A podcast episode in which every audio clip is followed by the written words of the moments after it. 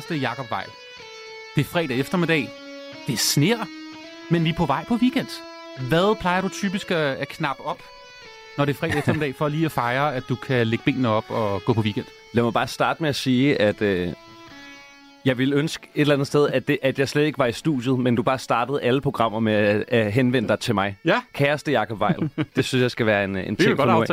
Øh, jamen, fredag eftermiddag, øh, det, det, det er sjældent, at jeg går tidligt i gang, hvis det skal være en, øh, en hvad skal man sige, en, en af de sjovere fredage. Øh, hvad drikker men du? hvis jeg gør, jamen så, så er jeg, øh, så, så tror jeg meget sådan en stereotyp københavner, øh, øh, mediebranche, kreativ type, at det skal være et glas øh, lækker øh, naturvin, lidt grumset. Prøv at knipse Lidt to hvid i gange, det. så tror jeg faktisk, der kommer noget lækkert ind ad døren til dig. Skal jeg knipse to gange? Ja, prøv lige at gøre det. Åh, nej, jeg har været tjener. Det, det, det, det, det, det vil jeg nærmest ikke. Jeg, nu gør jeg det, fordi du beder mig om det. Jeg vil heller ikke være uhøflig. Jeg tror, døren går op lige om lidt, og jeg tror, der skal komme nogle, øh, nogle gyldne dråber til dig. Nej, det, hvor ser det dejligt ud. det, ja, for det er fredag. Tak skal du have. Jakob Vejk, velkommen ind for her til fredagsmissionen. Mange og tak. skål! Det er til øh, skål.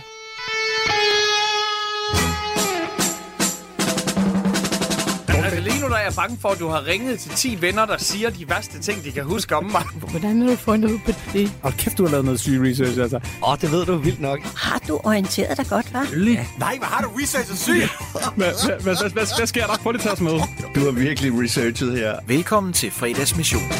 Okay, kære venner, jeg har virkelig sådan glædet mig her til i dag at skulle sende radio her på vej på, på weekend. Jeg har hele ugen været sådan boblen over med forårshumør. Uha, vintergækkerne er på vej. Jeg kan næsten også spore nogle knopper på træerne. Og hvad sker der så i dag? Det begynder at sne. Det, det, det er simpelthen noget af det mest latterlige. Og hvis du skulle være i tvivl om, hvad det er for et program, du har tændt for, så er det fredagsmissionen her på, på Radio 4. Og vi trodser øh, sneværet og udkommer selvfølgelig med øh, live radio frem til klokken. Den bliver 16. Øh, det er jo programmet, hvis øh, nu også det er første gang, du lytter med, hvor vi jo vender bunden i vejret på ugenlige gæster, som vi har håndplukket. Og så tømmer vi dem altså for gode historier og øh, forhåbentligvis også en anekdote eller to. Lige om lidt, så er der jo Super Bowl. Det er nok ikke gået din øh, Cyrano-næse forbi. Det er jo den her gigantiske amerikanske begivenhed, som vi på en eller anden måde også har købt ind på her i, i Danmark. Det er, jo det, det er jo det, der svarer til dronningens nytårstale, i, øh, som jo så er væk nu, øh, rest in peace. Men øh, øh, nytårstalen i, i USA, det er sådan deres store kulturelle begivenhed, ikke? Jo, Altså, det synes jeg, det er hovedargumentet for, at vi har et kongehus i Danmark. Det er, at alternativet, det er, at det er en, en fodboldkamp, der er det, der samler os alle sammen, ikke? Det ser jeg også som en, der ikke er sportsinteresseret, så jeg er enormt farvet lige der. vi, vi kommer ind på det senere, Ja. Jacob, fordi øh, vi skal selvfølgelig blive lidt klogere på den her øh, Super Bowl. Og en af grundene til, at vi sidder og snakker om det her i 2024 i Danmark, det er, det er tror jeg, fordi at øh, ham manden, vi får besøg af senere, han faktisk var sådan en form for pioner tilbage i øh, 2000, da TV2 Zulu, som det hed dengang, startede, og de købte rettighederne til den her ingeniørsport, der hed øh, amerikansk fodbold, og lige pludselig blev det kult. Det er Jimmy Bøjgaard, der kigger ind lidt senere. Men allerførst, så skal vi altså sige hej og glædelig fredag til en mand, der har vundet årets radioprogram, har levet af at sige bingo i mange, mange år, professionel humusekspert. Du kan det hele. Det er Jacob Vej. Velkommen indenfor. Tak skal du have. Radiovært er du nu, og tv-mand også jo. Du kan det hele. Ja, ja, efterhånden, så kan jeg skrive, øh, skrive et par ting på CV'et. Og for at det ikke skal være løgn, så har jeg, øh, jeg har fandme kikærter i blod derhjemme lige nu. Nej. Jo, det er rigtigt. Fordi jeg får gæster på besøg i morgen og har lovet at lave en, øh, en hulsmads hummus. Så Ja. forestil mig også, der er store forventninger. Det er, det er det også. Ja, øh, og hver gang jeg laver det, det er jo ikke, det er jo ikke fordi, det er jo, at det er en... Øh, altså, det, det er jo ikke fordi, det er raketvidenskab at lave en god tallerken hummus. Øh, alligevel er der mange, der fucker det op. Men det gør, at altså, der er noget... Jeg, jeg er meget ærkær omkring den. Det, er- det er pinligt for mig, hvis ikke den, den er rigtig god. Jakob, hvordan er dit fredagshumør? Er det øh, sådan her?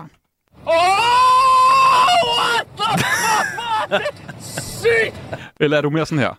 Åh, oh, nej. Åh, oh, Jakob dog. Et, jamen, som, øh, som alle gode ting, øh, så er det sådan et balanceret sted i, imellem de to, ikke?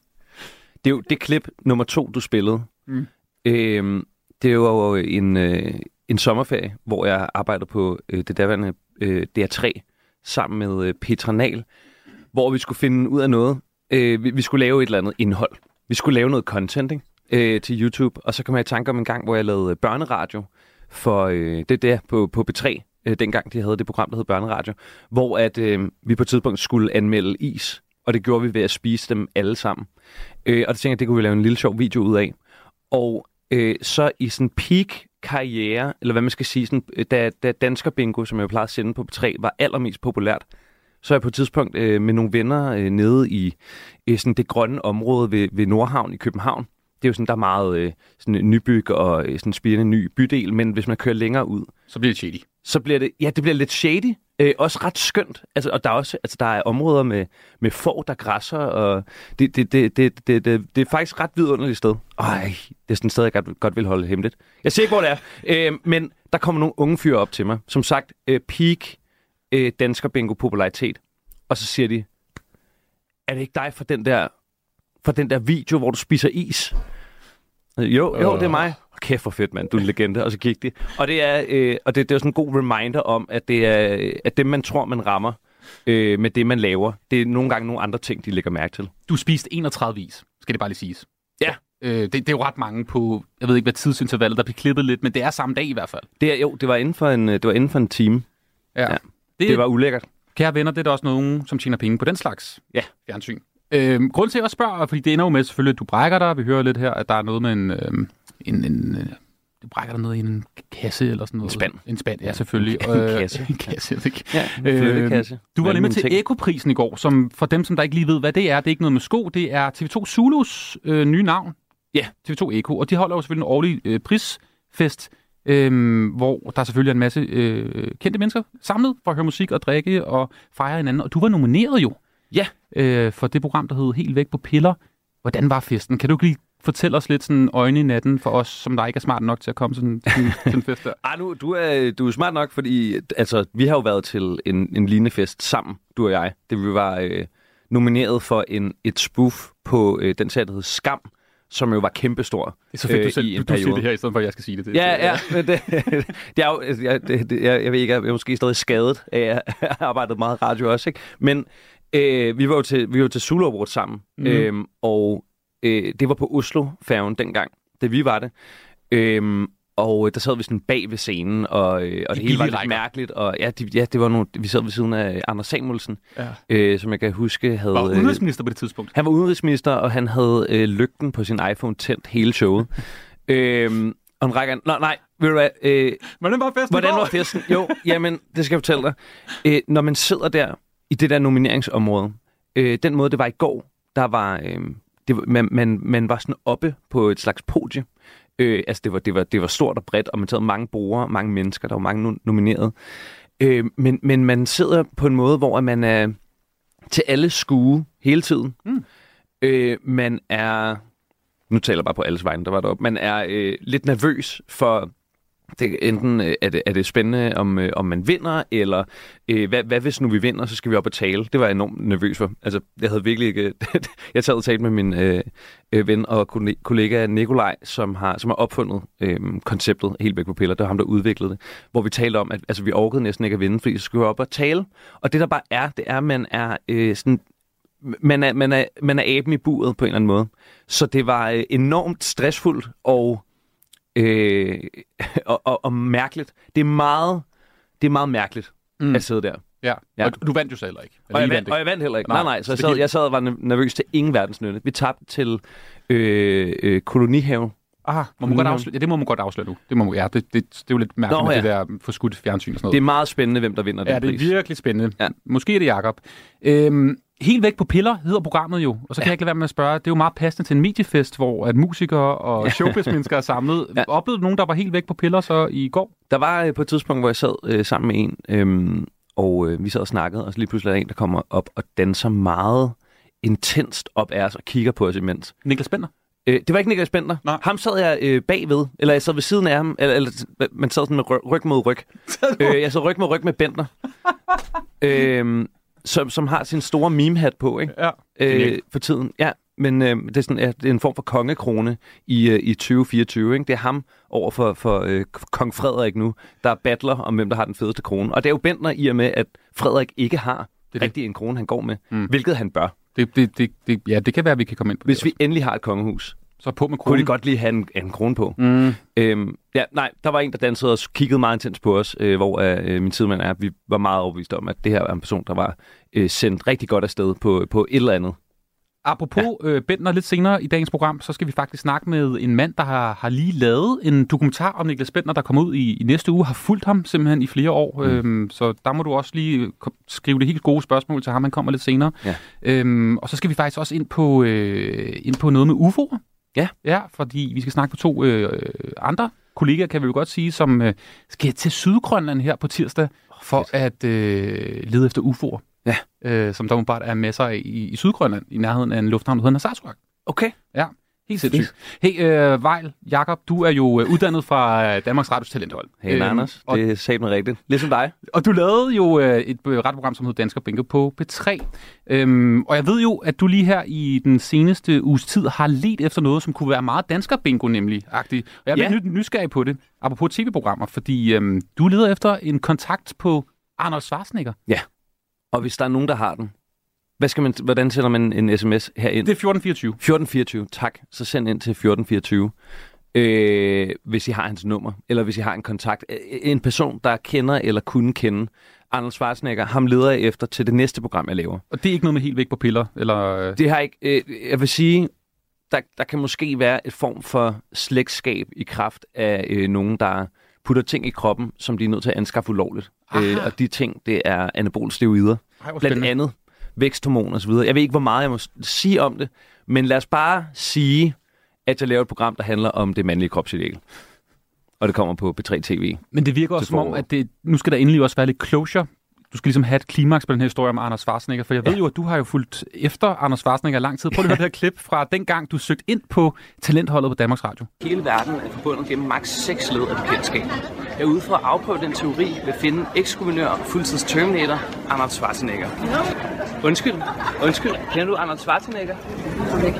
Det er ved at, det er ved at være tid til, at du skal, du skal finde ham. Ja, Ja. og, og det er ikke det program, jeg laver øh, som sådan, men det er det program, jeg, uden at mine kollegaer ved, ved det, jeg egentlig laver rigtigt. Jakob Vejl, det er en fornøjelse, du er i studiet. Glædelig fredag. Tak. Du lytter til fredagsmissionen på Radio 4. Tror du på UFO'er, Jakob Vejl? Øh, jeg prøver øh, ikke at gøre det, Hvorfor? fordi jeg, jeg, jeg, jeg bliver for bange. Jeg bliver virkelig skræmt ved tanken. Jeg synes, det er så øh, eksistentielt rystende, tanken om, at der er Øh, øh, liv i rummet, avanceret liv i rummet, for hvem vi bare er, altså det ved jeg ikke, nogle små laboratoriemus eller et eller andet, som de kan stikke i og være lidt ligeglade med. Det er, jeg synes, det er øh, så uhyggelig en tanke, at da jeg øh, gik i gang med at lytte til Flyvende Tallerken, øh, som jo er et program, der behandler det her emne, øh, så var jeg nødt til at stoppe, fordi jeg, jeg, blev, for, jeg blev for rystet ved tanken om, at, at det var rigtigt. Altså det der med, når du skal til at lægge dig til at sove, så kommer der mylder tanker omkring UFO'er. Det var så slemt øh, på et tidspunkt, altså det, det, det, det var slemt i sådan en grad, at øh, jeg lå og sov. Lige pludselig så øh, vågner jeg af et stærkt, kraftigt lys, der pludselig øh, øh, øh, hvad hedder det, tænder bag mine mørklægningsgardiner øh, ude i gården, og jeg tænker, fuck, de, de har fundet mig. De ved, de ved, at jeg ved, at de findes. Så nu er de, øh, nu er de kommet for at hente mig. Øh, og det var bare nogen, der skulle øh, skifte øh, tagstenene på ja. den anden side af, af bygningen i gården. Som ikke kom fra et ydre rum, trods alt. Så vidt vi ved. så vidt vi ved. Lige om lidt, så øh, skal to gutter afsted, nemlig til, øh, til Sydgrønland på UFO-jagt. Og det er dig, Lasse Rabeck og Martin Kleis. Velkommen til. Tak skal du have. Tusind tak. Øh, I har jo begge to et øh, helt særligt forhold til Grønland. Øh, Lasse, du er manden bag Sirius-programmerne på, på DR, som jo udkom for cirka et øh, års tid siden. Den her ret vilde dokumentarserie, hvor at, øh, du fulgte mændene på, øh, på slæden øh, rundt omkring øh, i det nordlige Grønland, som jo virkelig er blevet rost. Og jeg ved også, at du holder foredrag den slags, hvor du fortæller om dine, din oplevelser. Og Martin, øh, du har også tidligere gæstet programmet her, øh, Fredagsmissionen. Du er jo podcastvært på Uforklarligt, kan man sige, lillebroren til øh, Flyvende til Lærken. Og så ved jeg, at du også har familie på, på Grønland, og, og tidligere som sagt også været her i, i studiet. I tager til Grønland på tirsdag, nærmere Narsarsuaq, som jo er en lufthavn, primært og en bygd i de sydligste egne af, af landet. Og I skal ikke bare ud og kigge på den flotte natur, I skal på UFO-jagt. I skal undersøge et, øh, et særligt lysfænomen, som øh, kan opleves, eller i hvert fald efter sine opleves på egnen i nærheden af den her lufthavn. Hvad er planen, gutter? Fortæl mig. Ja, hvad er planen? Altså, øh, jeg synes egentlig, at ordet UFO-jagt måske er sådan en lille smule, øh, en lille smule sensationelt. Altså, grundlæggende så det, der foregår deroppe, det er, at der øh, åbenbart bliver set lysende kugler, der flyver rundt over et, øh, et bjergeområde. De bliver set de samme steder omkring kl. 10 om aftenen. Og øh, piloter ser dem, lufthavnspersonale ser dem, og øh, lokale ser dem. Og der er ikke nogen, der har nogen gode forklaringer på, hvad det er. Og de mener ikke, det kan være hverken droner eller fly eller noget andet. Så det er jo i, i ordets reneste forstand UFO'er, der flyver rundt, i hvert fald indtil man finder ud af, hvad det er. Og det er jo spændende. Og øh, jeg har interesseret mig for det her længe, og da Martin han fortæller mig om den her historie, så, øh, så tænker jeg personligt, at det, det kunne jeg egentlig godt tænke mig at så op og undersøge. Men ikke, mest, måske mest af alt for at snakke med de folk, der er deroppe, dem der ser det og hører deres bud på, hvad det her øh, det kunne være. Og jeg ved jo, I har, I har undersøgt sagerne og har snakket med lokale og, og den slags, som har oplevet de her, de her lysfænomener. Kan I ikke lige prøve sådan at beskrive, hvad det er, som de har set? Jeg ved godt, at I først skal op nu på tirsdag og snakke videre med dem. Men hvad er det helt præcis, det er, siden I føler, der er sådan der kød på benet til at kunne, kunne tage dig op og lave sådan de indledende opvarmningsøvelser til at kunne lave en dokumentar? Jamen i første omgang, så, øh, så, så opstår historien egentlig ved, at øh, jeg øh, interviewer en grønlandsk pilot til, øh, til min podcast, som fortæller om sin egen UFO-oplevelse i forbindelse med en øh, flyvning som, øh, som helikopterpilot. Og øh, han fortæller mig også, at der altså er de her lysfænomener, som faktisk er så velkendte i den her bygd, at ja, lufthavnspersonalet, som Lasse lige har fortalt, og, og indbyggerne ser det her. Og, og hvis det her det er sandt, og hvis den her, hvad skal man sige, de påstande, som, som der er omkring, at det, det skulle være UFO er rigtigt, så er det jo en kæmpe nyhed. Så man kan sige, det som de oplever deroppe, øh, beskrives som, som lysende kugler, som nogle gange sådan øh, i lav flyvehøjde sådan flyver lidt rundt om sig selv, og nogle gange flyver sådan i en, i nordøstlig retning, altså ind over indlandsisen, eller ligefrem lige opad, eller forsvinder øh, ind bag sådan et fjeld, der ligger deroppe. Øhm, Lasse og jeg har selvfølgelig gjort en masse research på det her, og også talt med nogle forskellige personer, som, som kender lidt til bygden deroppe. Og der skulle også være en, en, en masse sådan spændende mytologi til, til hele sådan Narsarsuaq-bygden deroppe, og, og ja, overnaturlige øh, ting og sager. Så, så alt i alt lyder det bare helt vildt interessant, og det er egentlig, egentlig derfor, vi rigtig godt kunne tænke os at komme op og, og undersøge det her nærmere. Martin, øh, jeg, spørger, jeg stiller et spørgsmål. Hvad, har du har I øh, gjort det nogle tanker om, hvad, hvad I vil gøre, hvis I, I ser det. Altså hvis I ser det, og får det på kamera, øh, hvor at det er øh, uden for enhver tvivl, hvad det, hvad det er, I kigger på. Altså hvad, hvad, er, hvad, er, hvad, hvad bliver reaktionen? Hvad, hvad, hvad gør man derfra? Det, det, altså først og fremmest så er der jo et, øh, en kæmpe stor faktor i det her, og det er, det vinder vind og vejr. Øh, der er en landingsbane i Narsarsuaq, og, og selv, selv indflyvningen kan, kan blive svært afhængig af, hvordan vejret er. Og der er fra, fra cirka fra bygden og ud til det område, hvor det bliver observeret, er der sådan cirka en 15-18 kilometer. Øhm, så, så hvis det bare er lidt tåget, eller hvis det sner, så, så vil det jo selvfølgelig sådan gør, gør det lidt, lidt sværere, men vi har noget virkelig, virkelig godt grej med til at kunne ja, gøre os nogle, øh, nogle gode observationer, hvis det, skulle, hvis, det, hvis det skulle komme frem deroppe. Men i virkeligheden, som Lasse også nævnte, så tror jeg ikke, at succeskriteriet nødvendigvis ligger for os i at øh, fange en, øh, en UFO i høj opløsning med en stor telelinse, altså selvom det kunne være helt utroligt fedt, øh, så, så tror jeg, det, det, det er lidt mere sekundært i forhold til sådan den, den interesse, der er for os i forhold til ligesom at tale med de beboere og de indbyggere og lufthavnspersonalet, øh, der er deroppe, fordi man kan sige, UFO-fænomenet, det, det viser sig meget tit i, i forbindelse med sådan omskiftelige omstændigheder. Øhm, og når Narsarsuaq øhm, er en bygd, der sådan er troet af nedlukning. Øhm, så der er ligesom en, en masse spændende, hvad skal man sige, elementer til det her, som, som, som rækker ud over det faktum, at de de ser nogle lysfænomener på himlen, men som måske har en sammenhæng med, med de oplevelser, som de har deroppe. Så det er, det er nærmest mere, hvad skal man sige, sådan, øh, den, den antropologiske rejse, øh, der, der er i fokus, og ikke så meget det her med bevis, at der er, der er UFO. Ja, men jeg tror ikke, der er nogen af os, der har, øh, der tror vi kan bevise, at der, at der, at der findes øh, rumvæsener eller rumskibe. Øh, lige, lige på den her tur i hvert fald, så skal okay. vi være meget, meget heldige. Det er ikke det, vi tager op for, men, men jeg tænker, altså, det der er med det her emne, jeg har også interesseret mig for det i mange år, det er, at, øh, at man kan ikke sådan lade sig forblinde af en teori om, hvad det er, det handler om. Man er ligesom nødt til at være åben hele vejen igennem. Og mm. jeg er også åben for, at vi kan komme derop, og så viser det sig, at det er et eller andet værfænomen, eller det er satellitter, eller whatever. Øh, det handler helt klart om rejsen. Det, ja. det, som, som altid. Er der nogen, øh, og nu, det, det, lyder, det lyder som om, at, at, ja, at fokus egentlig er, er mindre på, på selve fænomenet og, og mere på oplevelsen af dem, men, men, men har I en idé om, hvad det er, hvis ikke det er UFO'er? Nu nævnte du bare lige selv, øh, det kunne være nogle værfænomener eller satellitter eller et eller andet. Hvad, øh... hvad, hvad, hvad, hvad er den anden forklaring, hvis der, hvis der er noget? Ja, men der er ikke nogen forklaring lige nu, og det er jo hverken, hverken, øh, hverken piloter eller lufthavnspersonale eller nogen, øh, jeg har talt med, kan komme med en god forklaring på, hvad de der lysfænomener er. Altså, det passer ligesom ikke ind i nogen kasser, og øh, det synes jeg var mega spændende. Jeg elsker jo, øh, lidt i modsætning til din gæst i studiet, jeg elsker jo virkelig, når vi ikke forstår ting. Altså, jeg synes, det er vidunderligt, når vores, øh, når vores menneskelige øh, sådan begrebsapparat bliver udfordret. Der er nogle anomalier i videnskaben, som vi bare ikke kan få til at passe ind nogen steder. Det er der, jeg bliver allermest tændt.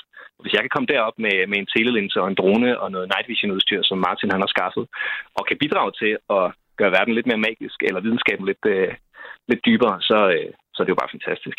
Vi håber på øh, vilde billeder fra, fra jer, Lasse Rabeck og Martin Kleis. Tusind tak, fordi vi måtte øh, snakke mere. God tur til øh, Narsarsuaq, Grønland. Det lyder, det lyder meget koldt, umiddelbart, her i februar. Jeg håber, I har... Nej, det er kun, det, det er kun minus øh, 15-20, så det er helt klart inden for komfortzonen. Ja.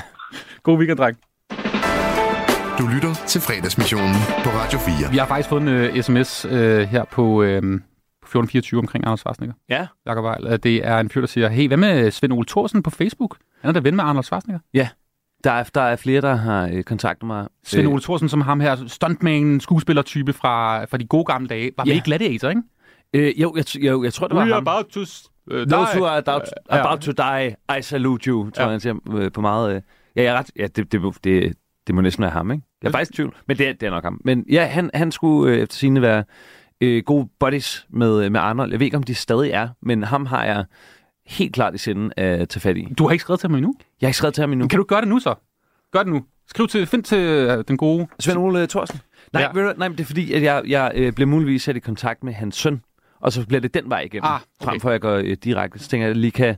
Jeg, jeg, jeg, tror, jeg tror, hvis man har kontakt til Anders Schwarzenegger, så er man nødt til at øh, blive varmet lidt op til at give den kontakt information videre. Oh, okay. Tror du ikke det? Jo, det kan godt være, der er lige sådan en mellemmand. Altså, hvis du havde nummeret på Kanye West, jeg vil forestille mig, at øh, hver gang, at folk de kom til dig og sagde, du kigger ud, du kigger ud øh, ja, han i studiet ved siden af, som om, at, øh, som, som om sådan, hey, hvordan vidste han det? Øh, hvi- hvis du havde det, og alle kom, kom til dig, hver gang der var en nyhed med, med, med Kanye West, så ville du jo ikke give det ud hver gang, vel? Du ville holde mm. det tæt. Der skulle virkelig noget til at overbevise dig, tænker jeg. Lige ved dig først. Lige høre om projektet, tror jeg. Ja, Ja, præcis. ligesom i det der Hans Pilgaard-program, der ved jeg ikke, om du har set, hvor han også lige skal vette øh, hans gæster først med sådan et brev. Har du set det? Ah, ja, og de får alle sammen... Jeg har kun hørt De, om de får det samme får, spørgsmål. Ja, ja min, er lidt- min frisør talte om det. Jeg, jeg var til frisør. Det er fordi, han har de vildeste gæster med. Altså, Okay. Det er sådan noget Peter Smeichel, Lars von Trier, sådan nogle typer. Ja. Hvad er det nu spørgsmålet er på papiret? Sorry. Hvordan er, ja. hvordan er du endt her? Ja, hvordan du endte her? Ja, meget, øh, meget straight. jeg vil sige interviewteknisk ret bredt mm. spørgsmål. Det kan være, det er det, du skal spørge Anders Schwarzenegger om. Fordi de, de bider alle sammen på. Ja. De, Ja. de, han, har fået, han har fået alle med. Send et brev til Anders Schwarzenegger. Hvordan er du endt her? Hvordan er, du, hvordan er det her brev endt her hos dig? Jakob, vi skal høre noget musik. Du har som altid, øh, som alle gæster, øh, taget lidt musik med. Vi skal høre, det er fredag eftermiddag, og jeg har bedt dig om at tage nogle sange med ud fra nogle overskrifter. Ja. Hvilket jo også godt kan være lidt svært. Øhm, sangen, der minder mig dig om at være teenager, der har du taget det her med.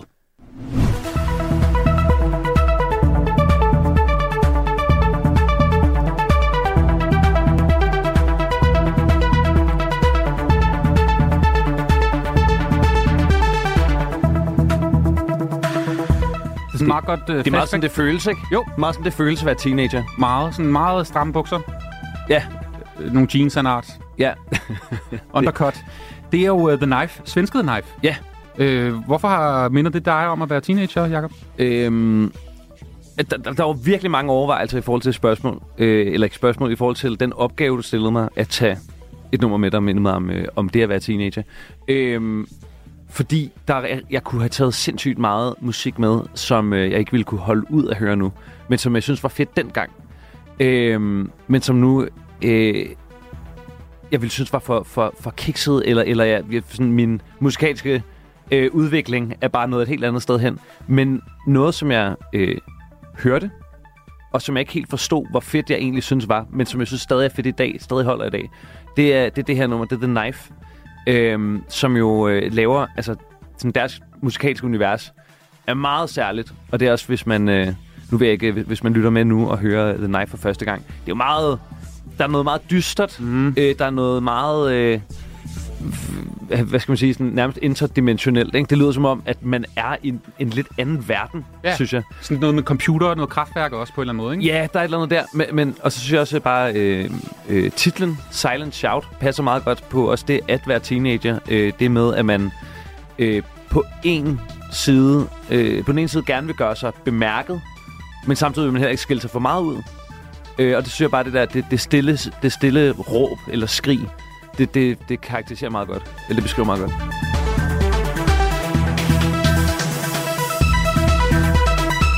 Det er også sådan lidt en sang, øhm, du først skal sætte på på floor klokken halv fem. Det skal være sent, og øh, dem, der gerne vil høre øh, popmusik, de skal helst være gået. Ja. Ikke mere Robin. Nu sætter Ja, Men ødelægger også lidt festen på en eller anden måde. Ja, det, ja, den er rigtig god til at ødelægge en fest, hvor du bare gerne selv vil danse med de to andre, der også synes, det er nej for fedt. Vi skal videre til et nummer, som øh, min, altså gør dig rørt, eller i hvert fald rører dig Ja. ja. til. Øhm, ja. Lidt overraskende, så har du valgt den her.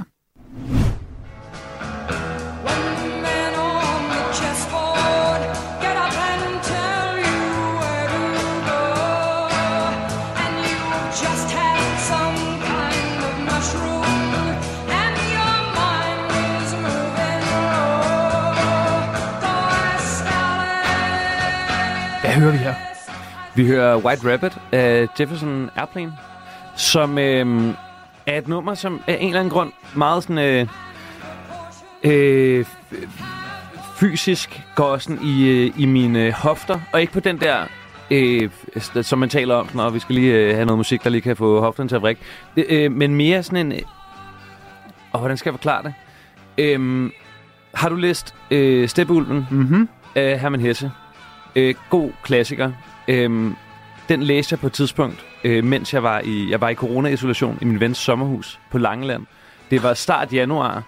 Øh, det blæste, det snede, det var iskoldt, jeg var alene. Det var kun mig, Kaminen og, og Herman Hesse. Øh, og jeg var sådan et sted i mit liv, hvor jeg tænkte, åh, skal man bare skal man bare skride fra det hele og tage til et eller andet kloster i Indien, og så bare være der. Og tage en masse narko også. Nej, nej, nej, Nej, nej, nej, nej. Bare, øh, bare, nej, nej, tag til ind, nej, bare blive high on your own supply, ikke? Okay. Altså sidde og, og meditere sig glad, ikke? Ja. Øh, jeg, jeg, jeg havde en lille bitte øh, livskrise, tror jeg. Og så læser jeg den her bog, som handler om en mand, som er tæt på at tage sit eget liv. Øhm, fordi han har ligesom, han har oplevet, hvad der var at opleve. Han har stiftet familie, han har, øh, han har forladt sin familie, han har øh, gjort sig bemærket øh, fagligt, øh, og, og intet af alt det her, det har givet ham en, et liv eller en tilfredshed, som han kan, øh, så, så, som, som gør ham glad, eller som, som for ham, giver ham lyst til at leve. Øh, og så møder han så en kvinde, som øh, skal ruske ham tilbage til livet, skal få ham til at indse, hvad der også er øh, at leve for. Øh, og jeg læste den bog, og jeg tænkte, og, og jeg sad der 30 år gammel og overvejede, at man skulle tage i, i kloster. Ikke? Altså ikke, ikke fuldstændig seriøst, men alligevel lidt.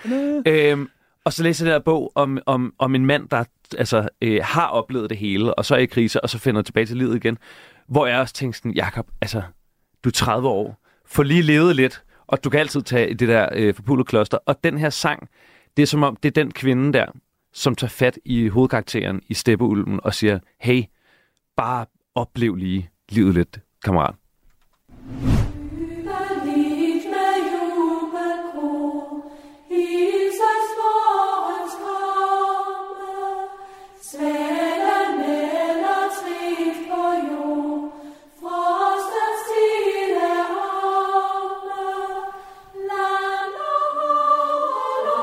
Det er jo nærmest kriminelt at snakke ind over det her. Ja. Sangen, som ingen ved, melodien, som ingen ved, at uh, du holder af. En form for guilty pleasure, kan vi godt kalde det, for, for dig, Jacob. Øh, nej, øh, nej, det vil jeg faktisk ikke sige. Okay. Det var øh, et oplægget, du skrev til mig. Det var en sang, som folk nok ikke ville tænke, at jeg tro, at jeg, at jeg godt kunne lide. Mm. Ja. Og det var meget, det var, jeg synes, det var svært, fordi jeg tænker sådan, hvad ville mine, altså, hvad ville mine egne venner også blive overrasket over? Jeg tror ikke, de ville blive overrasket over det her. Jeg tror nærmest ikke, at du spille noget, det, det ville blive overrasket over. Men øh, ja, det, det, det her var det nummer, der jeg, jeg kom i tanke om. Frydelig med, med jubelkor. Frydelig DR, med jubelkor, ja. ja. som er, det her det er så øh, DR Pigekors øh, Ja. ja. udgave, som lyder som noget, det er sådan noget elvere sang, synes jeg lidt. Ja. Ringende sager på en eller anden måde. Jeg, jeg, jeg Det er sjovt, du siger det. Ja. For jeg hørte den Du øh, første gang. Nej, nej, nej. okay. Jeg hørte den første gang til et bryllup, øh, til en hvilse i kirken, hvor bruden gik ind til et kor, der øh, fortolkede øh, temaet til Ringens Herre. Og så var en af de andre salmer den her. Og jeg synes simpelthen, synes simpelthen den var så fin. Den er, den er rigtig fin. Jeg hørte den bare i forbindelse med tronskiftet nemlig. I, i. Folketinget, hvor at DSP-kor sang den for, for Folketinget. God, Hvor det var sådan noget mærkeligt, hvor der var lidt sådan eko på, og sådan. Det lød fuldstændig som noget, ja, Tol- Tolkien, jeg ved ikke om Tolkien har haft noget med, øh, det har han nok ikke med musik i, Ringens Herre-filmene, men det lød meget sådan Ringens herre Jeg synes, det var meget, meget fint. Ej, fedt. Mm. Fedt. Jamen, jeg synes virkelig, det er, jeg synes, det er meget, øh, meget smukt. Mm. Fra, øh, jeg ved aldrig, jeg tror ikke, den her overgang nogensinde er lavet fra, øh, fra Frydelig med, øh, med jubelkor her. Så skal vi snakke om en, øh, en mand, som øh, du var til fest med i går jo. Okay. Jeg ved ikke, om han er til, øh, til jubelkor, men det er selvfølgelig gode gamle Niklas Binder. 18-year-old Nicholas Bentner comes on for Arsenal, who are looking to win the game. Bentner! What an arrival for him! It was one of the biggest times I've ever seen. Ja. Norsk eller svensk klub? Norsk, ja. Jakob, øh, hvis jeg siger Niklas Bentner, hvad, hvad, hvad tænker du så på? Hun tænker mig en, en mand, der er øh, bogstaveligt talt høj i hatten. Øhm, og det er, fordi han har en høj hat på, og den så jeg i går. Fordi jeg sad ved siden af, øh, eller bagved Niklas Bender. Sagde du til, hej til ham? Ekoprisen. Jeg hilste ikke på ham. Nej. Øh, og det er også fordi, og, øh, og, og det, der, jeg prøver ikke at træde nogen over tæerne, men jeg øh, går, jeg går ikke op i fodbold. Men du ved, hvem han og er? sport overhovedet. Jeg ved, men jeg ved, hvem han er. Hvorfor? Det er også det. Fordi at alle ved, hvem øh, Niklas Bender er. Jeg skulle lige til at sige Andreas Bender. han hedder Niklas. Det ved jeg trods alt. Der er en anden Andreas i studiet. Andreas Kofod, velkommen indenfor. Tusind tak. Glædelig, øh, glædelig fredag, ikke mindst. Øh, du er jo instruktøren bag den nye dokumentar, Niklas Bentner. Bentner hedder den bare, som kommer på Viaplay lige om et øjeblik på mandag, hvis nok. Ja, det er rigtigt. Og du kender jo Niklas Bentner bedre end øh, os her i studiet. Ja, det gør jeg nok. Øh, hvad synes du om de ord, som, som Jakob øh, siger her? Det her med, at han går ikke op i sport, øh, men kender ham alligevel. Ja, Jamen, det, er jo, det er jo sigende øh, om, om, hvad det er, øh, ja, hvem det er, Niklas Bentner appellerer til. Jeg tror, stort set hele Danmark kender ham. Øh, og hvis man ikke kender ham fra fodbold, så kender man ham fra nogle af alle de andre sager, han har været involveret i. Øh, forskellige skandaler og sådan igennem tiderne. Og hvordan er han så i forhold til det billede, som mange af os har af Niklas Bentner? Du har jo fulgt ham, været i nærkontakt med ham og den slags. Hvordan er han? Ja, jamen han er en utrolig sød fyr, og han er utrolig godt selskab. Øh, og han i, i det her projekt, der er han fuldstændig lukket op øh, for, for mig og for øh, de andre, der har, har lavet øh, serien, og øh, har haft tillid til, at vi ville, det, øh, ville ham det bedste. Øh, og han vil gerne være super ærlig og vise, hvordan det, det er at være ham, og hvordan det har været at være igennem den her hæftige karriere, hvor han som allerede som 16-årig blev øh, øh, sendt til England og, og boede alene de første to år øh, hos en værtsfamilie, øh, og så ligesom klarede sig øh, og kom til førsteholdet på Arsenals hold, som var øh, et af de allerbedste i, verden dengang. Øhm, Og tjene mange penge som meget meget, meget hurtigt tjente han rigtig mange penge. Og det er jo, det er jo vildt svært at administrere. Det tror jeg, det er for, for de fleste. Øh, men øh, det er vigtigt lige at sige, at, at øh, filmen eller serien her, øh, den bygger er sådan en viderebygning på en bog, som, øh, som Niklas og Rune Skyrum Nielsen skrev, øh, som hedder Begge Sider, og hvor han også står meget ærligt frem og fortæller om hele det her liv. Så, så allerede fra starten, Rune har også været med til at lave serien, allerede fra starten havde vi den her tillid, som gjorde, at vi kunne arbejde. Og de fleste af os, udover selvfølgelig, vi kender øh, til alt det omkring ham, så kender vi jo ham også primært fra, fra landsholdet som det her. Bentner til værs. Det er god ting. Han laver oh, hvor er det højmravne. Fantastisk mål af Niklas Bentner. Den knægt, han er altså fuldstændig utilregnelig. Fordi jeg synes jo nogle gange, historien om Bentner også på en eller anden måde er meget ensidig, det der med, åh, det er et spildt talent, han, hvad kunne han være blevet til? Men han er alligevel, altså han har jo scoret vanvittigt mange mål for, for landsholdet, jeg mener det er 32 faktisk, Ja, ja. Øhm, og har, har jo var jo den, mere eller mindre den eneste rigtige stjerne, vi havde i mange år på, på det daværende landshold. Og virkelig en, der, der solgte billetter også til landskampe og den slags. Så han har jo på mange måder også altså, udlevet det der, ikke? Fuldstændig. Altså, der, jeg, jeg er også lidt imod den der præmis med, at det er et spildt talent, og det kunne have været meget anderledes osv. I virkeligheden har han leveret varen på, på mange store øh, scener, ikke? Øh, og altså man kan sige, med hans tilbøjeligheder til at, at, at gå efter fristelser og så videre, så er det ret godt klaret, at han lige har, har spillet 81 øh, landskampe og scoret alle de mål, og har været i nogle af verdens bedste klubber, og, og taget kampen lige op med Thierry og så videre, øh, Van Persie og så videre, som det var tilbage i Arsenal. Og nogle gange øh, sat med af pinden, eller i hvert fald Van Persie. Øhm, Og Andreas, du har fulgt ham i lang tid. Er der noget sådan, kan du prøve at fortælle nogle ting, som vi ikke ved om? Fordi han er jo en mand, der er blevet beskrevet i bøger, som du siger, Rune Skyms bog. Der har jo også været mange forskellige uh, interviews med ham igennem tiden, hvor han også er kommet ud og fortalt, jeg kan huske til Euroman og sådan noget. Ja. Er der nogle ting, som du sådan, som vi ikke vidste om Bender?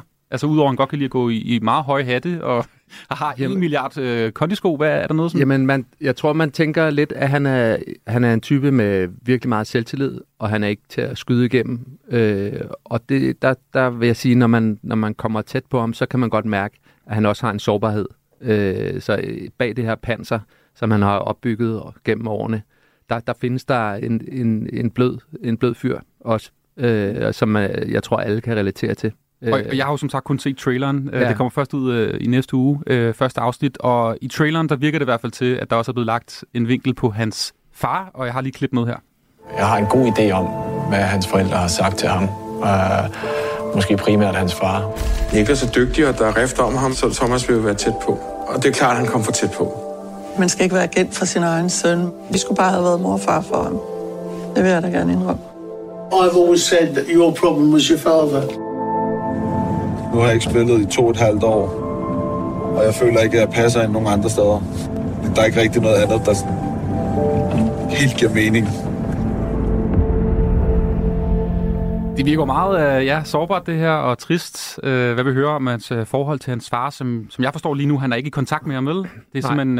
Øh, De har ikke været i kontakt i, jeg tror, det er nærmest 10 år. Ja, Thomas Bentner, ja. som han hedder, som jo i- til at starte med var hans agent. Altså, det var ham, der forhandlede kontrakter med ham og den slags, og ja, stod for det mere eller mindre det, det hele, ikke? Lige Øh, præcis. Altså det, man kan sige, at Niklas kommer fra et meget øh, trygt hjem og fuld af kærlighed, fuld af opbakning, øh, og hans mor og far er ligesom med i hele vejen, altså fra de tidlige ungdomsår, allerede fra han er 10 år gammel og kommer til KB, så er de meget engagerede, og det er også en af, de, en af grundene til, at han kommer så langt, det er øh, familiens engagement. Men så kan man sige, når det så når det professionelle niveau, øh, i en fodboldverden, som er super kapitalistisk og kynisk, og hvor alle vil have noget, en del af kagen, øh, der, der fortsætter faren sig med at være hans agent, og, og det er måske ikke helt hensigtsmæssigt, øh, er der forskellige kilder i, i dokumentaren, der siger, fordi det er et svært game, hvis du ikke kender det på forhånd, så bliver du øh, taget ved næsen.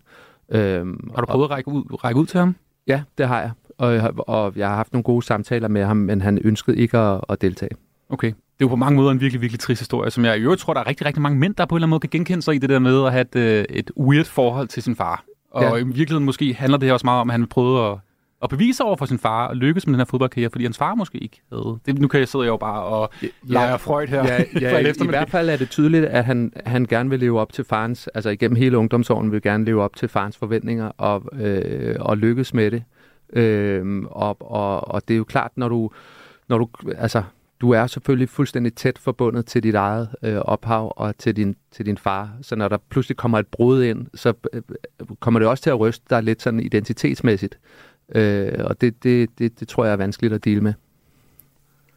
Hvad tænker du, Jacob? Jamen, jeg, jeg, jamen, jeg, øh, jeg, jeg tænker rigtig mange ting. Det, det, er mega, det er mega interessant, men også bare fordi, jeg, øh, øh, jeg, jeg, jeg selv vil lave et program lige nu, som handler om øh, sådan, mandlige kropsidealer, og rigtig meget af det, det er dem, vi har talt med. Det, der er bare så meget, også med, med mænd og deres fædre.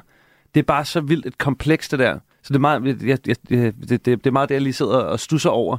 Den forbindelse, øh, hvor meget drivkraft der er hos, øh, hos typisk mænd, der bare stræber efter at, at imponere deres fædre. Ikke? Mm. Og så tænker jeg på noget øh, helt andet, som er om, øh, om I, I nogensinde spillet fodbold sammen.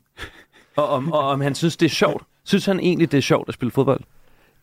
Øhm, godt spørgsmål. Jeg, jeg spiller selv ret meget fodbold, og har spillet meget fodbold, og synes, at jeg er sådan rimelig god til det. Øh, så jeg har, jeg har hele tiden forestillet mig, at vi skulle spille fodbold sammen, men det er ikke lykkes. Altså, jeg har, Han gider ikke? Øh, jeg har faktisk ikke spurgt ham så meget om det. Så jeg, meget? Jeg, nej, men jeg, Er det overhovedet? Du har ikke spurgt ham? Måske har jeg slet ikke spurgt ham Okay. faktisk, når jeg tænker over det. Jeg har, jeg har tænkt meget på, at jeg skulle spørge ham, fordi jeg har en masse venner, som også spiller fodbold, og som når jeg så fortæller, at jeg, jeg laver den her film med, med Niklas Bender, så er de sådan, åh, tag ham med, tag ham med, Han, vi skal spille øh, kamp og alt muligt. Øh, Det er altså ikke lykkedes, og måske er det også fordi, jeg ved, at der er mange, der ligesom spørger ham om alt muligt, og beder ham om alt muligt, og så vil jeg helst, nu beder jeg ham allerede om at, at være med i alt det her, og alle de her optagelser, så vil jeg heller ikke sådan bede ham om endnu mere.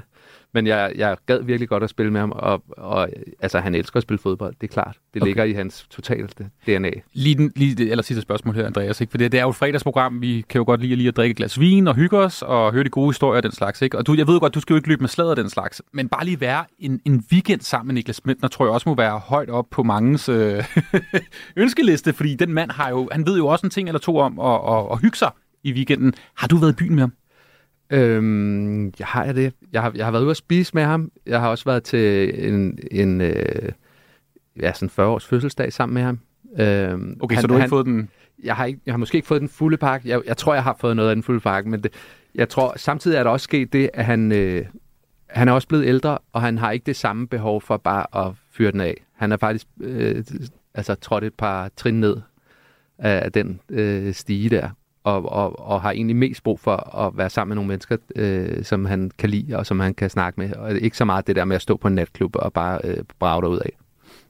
Må jeg lige sige, øh, lige komme, før vi øh, slutter det her, øh, bare en hyldest. Øh, noget, der gik op for mig lige her nu. Den der hat, som jeg nævner, ikke? Der står... Det er jo den vildeste... Ja, der står lort på den. Øh, men det er, jo den, øh, det er jo den vildeste lynafleder. Det er jo genialt. Altså, hvis han bare vil hygge sig med, med de mennesker, han holder af, så øh, når han tager den der høje hat på, så er det ikke ham, men så er det hatten, folk taler om. Mm. Det er jo virkelig genialt. Ja. Ja, det var bare det. Det er, der, det er der måske noget om. Ja. Og jeg ved, han havde den også på til gala-premiere forleden, havde han ikke det, den høje Det- hat? Jeg tror, det var en anden hat. Der, var- han har flere hatte, ja. Ja. Men det er smart. Jeg ved ikke, hvad for en hat han havde på i går. Den var beige, og der ja, men stod... var det sådan cowboyagtigt, eller var det den sådan helt høje? Meget høje. Jeg tror ikke, man kan få en den, højere den, hat. jeg, har, jeg, ved, jeg, har, jeg, tog, jeg, jeg tog et Forestil dig den der. Pharrell Williams havde på på et tidspunkt. Bare Ja. højere, ikke? Øh, nærmest. Og så står der Lord på den. Den, den er ikke til at misse, hvis man har set den. Jeg tror godt, jeg ved. Øh, Ja, jeg viser dig et billede af... Meget imponerende garderobe, Hatten. øh, den gode Niklas har. har. Nu er der øh, blåt lys, men den er helt beige. Okay, yes. Yes. Det er god det, radio, hvilken, Er det den høje hat, eller er det Jeg, jeg tror, det er den høje hat. Ja, altså den var meget høj. Men når du siger det på den måde, så tænker jeg, gud, det kan være, at han har en endnu højere hat. Til når Der folk virkelig ikke snakke om ham, men bare om hatten. Andreas Kofod, det var en fornøjelse, du havde lyst til at kigge forbi og Ja, fortælle altså, om uh, Bentner og uh, den uh, dokumentarserie, der kom ud på Viaplay på mandag. Tillykke med serien, og glædelig uh, fredag. Ja, i lige måde. Du lytter til fredagsmissionen på Radio 4. Skål, Jakob. Du, du har Skål. gået ud, eller Ja, hvad? ja øh, mens vi lige øh, hørte om, øh, om Bender, så fik jeg lige drukket det sidste. Så blev du lidt tørstig. Ja, Okay, en nu lille skal, smule. skal vi uh, lege enten eller? Øh, ja, det kan vi godt. Bender tværs. Der kommer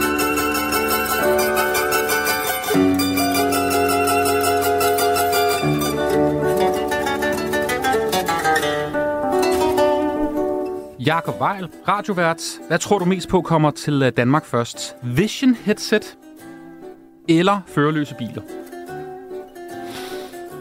Øh, de førerløse biler mm. er her jo på sin vis allerede. Ja, men er de det? Der er vel ikke nogen, de får vel ikke lov til at køre rundt? Altså nu tænker jeg bare på, nu har jeg siddet i øh, en øh, Tesla, en ven kørt, hvor han jo fik den til at køre af sig selv.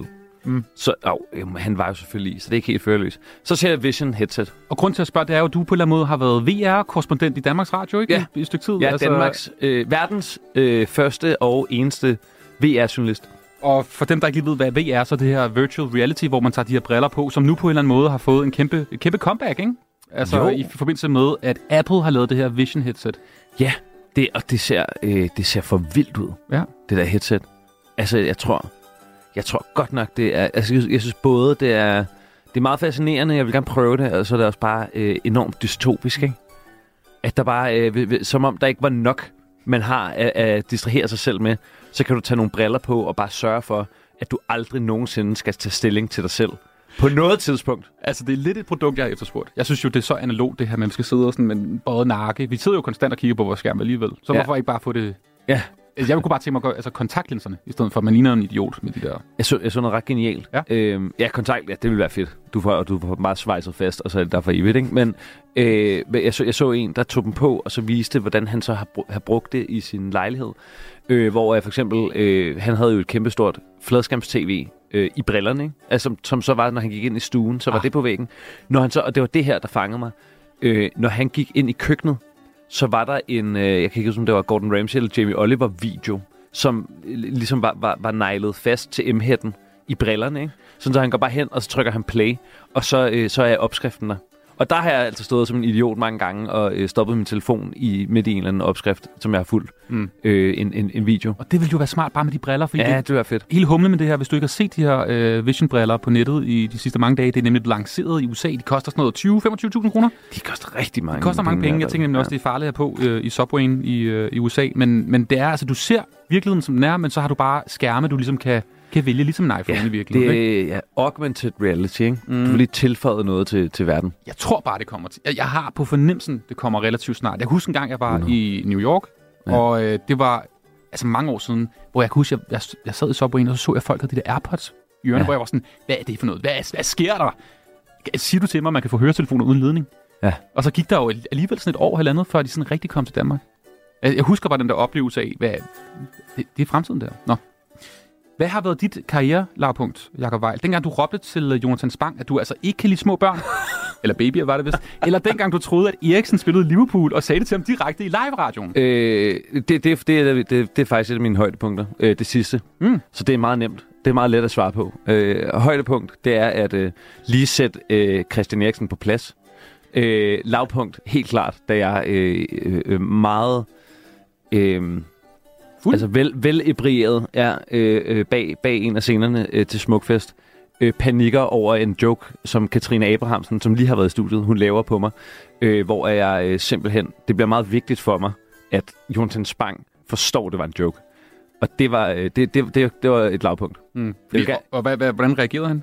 Og har du snakket med ham siden? Jeg har ikke snakket med ham siden. Ah. Øh, jeg, jeg, jeg, ved, jeg ved ikke, om han kan huske det. Jeg har en idé om, at han kan huske det enormt tydeligt. Øh, men det er, fordi jeg kan huske det. Det har bare sat sig som et traume. Øh, det, apropos, øh, hvad hedder det, øh, VR-briller brændt ind i nethænderne. Ikke? Den her, den, den spiller bare på repeat hele tiden. Øh, jeg, jeg har ikke mødt ham siden, og jeg vil meget gerne vide, om man kan huske det. Og øh, den måde, han reagerede, det var øh, altså at sidde og du vil bare sådan spænde, spænde læberne op, som man gør, når man tænker, det her, det skal bare fucking overstås, så jeg kan gå fra ham af psykopaten. Der er en eller anden grund, synes det er meget vigtigt at overbevise mig om, at han ikke er pædofil. Og det er jo nok det. Det er nok sådan det mest, det største pædofil tell, er at ville overbevise folk om, man ikke er det, fordi selvfølgelig er man ikke det. Men jeg var et sted, hvor jeg var så bange for, at han skulle tro det, fordi jeg også øh, virkelig crushede på ham på det tidspunkt. Hvad har været dit karriere-højdepunkt så, øh, da du var med i de uaktuelle nyheder øh, som barn, altså Michael Bertelsens show, Mhm. mm-hmm. legendariske show på DR2, eller da du fik Pilo Asbæk til at fortælle historien om dengang han vågnede op og manglede en testikel? det kender man jo. Øh, jamen, svaret på det, det er helt klart øh, dengang jeg ikke vidste, hvem Christoffer, Chris, Christian Eriksen spillede for. ja, det var mit højdepunkt. Hvor har dine hænder været mest? Øh, I folks drinks til fester, eller i folks næsebord? Øh, I folks drinks til fester. Ja. Du har en øh, øh, altså lidt suspekt øh, hobby? Det kan man godt kalde det. At putte hænder En i- fritidsinteresse. Øh, ja, jeg kan godt lide, at øh, hvis jeg går op og henter øh, drinks til folk, at øh, bære dem med mine fingre nede i glasset. jeg kan godt lide at servere den der drink, fordi på den ene side, ej, hvor er det pænt af dig, og fedt, at du lige har hentet drinks, og på den anden side, jeg har ikke rigtig lyst til at drikke den, men nu gør jeg det, fordi du har hentet. Jeg, ja, det, det, skaber, det skaber sådan en underlig social rum, jeg godt kan lide at se folk i. Hvem vil du helst øh, følge et par dage med kamera og lave et program, og mikrofon selvfølgelig, om? Er det Katrine Dias eller Mike Fonseca? Uha, det er sat med et godt spørgsmål. Mm. Jeg tror, jeg er mere fascineret af Katrine Dias. Øhm, Som du muligvis har mødt hende? Eller hvad? Det ved jeg ikke. Det, ved det, jeg ikke det, ikke så vidt jeg ved. Nej, nej, okay. Jeg tror aldrig, jeg tror aldrig, vi har mødt hinanden. Heller ikke øh, øh, Mike Fonseca. Øhm, jeg, jeg, jeg, altså, Mike Fonseca for mig er også meget, det, det, det, det er meget endimensionelt. Altså, Mm. jeg, jeg ved kun, hvem han er i kraft af hans skandale. Hvor Katrine Dias har, øh, har jeg ligesom vidst, hvem var i, i meget længere tid. Og, og altid været lidt fascineret af, fordi... Og det er ikke for at være bagklog på nogen måde, men, men jeg synes rigtig meget af det, hun har lavet, har jeg bare tænkt, hvad, der er bare noget, der er off. Altså, jeg ved ikke, om jeg køber det der. Det er også det der med, øh, apropos, øh, pædofile, der prøver at fortælle alle, at de altså ikke er pædofile. Så øh, Katrine Dias øh, gik så meget op i, at øh, alle skulle vide, hvor meget hun læste. Mm. Og jeg bare tænkte, det, altså hvis det er sådan, du har det, det så, har, så havde jeg bare en eller anden idé om, at det gør, det gør du sgu ikke. Du kan ikke leve op til det der. Og, og hvor, hvorfor? Hvad ligger det i? Altså, jeg tror i bund og grund, at der er et, øh, et, et kolossalt kompleks. Øh, i det, oh, det, det er nok altså, en enorm øh, banal betragtning, men et kolossalt kompleks øh, i Katrine Dias med at øh, overbevise verden om, at hun altså ikke er en dum blondine. Mm. Og det er jo bare sådan noget, det skal sikkert spores tilbage til en eller anden gang, der er en skolelærer, der er himlet med øjnene over noget, hun har sagt. Og så har det bare øh, sat vejen for resten af hendes liv, ikke? Så hende. Det var det lange svar. Godt svar. Det var enten eller med Jakob Weil, og Jakob, lige før vi går, så vil jeg bare lige høre, øh, altså prøv lige at lægge mærke til den her overgang, øh, som God Aften Live lavede i går, da Mike Fonseca, altså ham her, øh, løsgængeren i Folketinget, som jo øh, har været sygdomsramt i en periode nu, grundet en øh, sag om sin kæreste.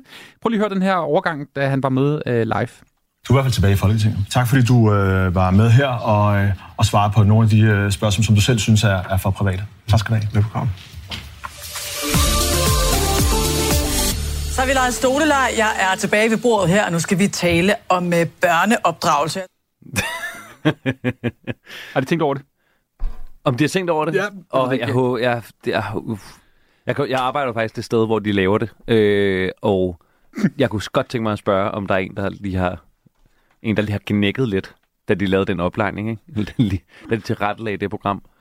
Jakob Weil, det har været en øh, gigantisk fornøjelse at hænge ud med dig her i radioen en lille bitte times tid. Øhm, I lige måde. Radiovært og journalist. Tjek øh, helt væk på Piller ud, som ligger inde på DRTV, nomineret ja. til øh, Ekoprisen. Du, du vandt ikke. Nu afslører vi det. Du vandt ikke, Jeg desværre. vandt, vi, jeg vandt ikke. Vi vandt Nej. ikke, desværre. Mm-mm. Stort tillykke til, øh, til dem med kolonihavehus. Glædelig fredag, og øh, vi snakkes ved.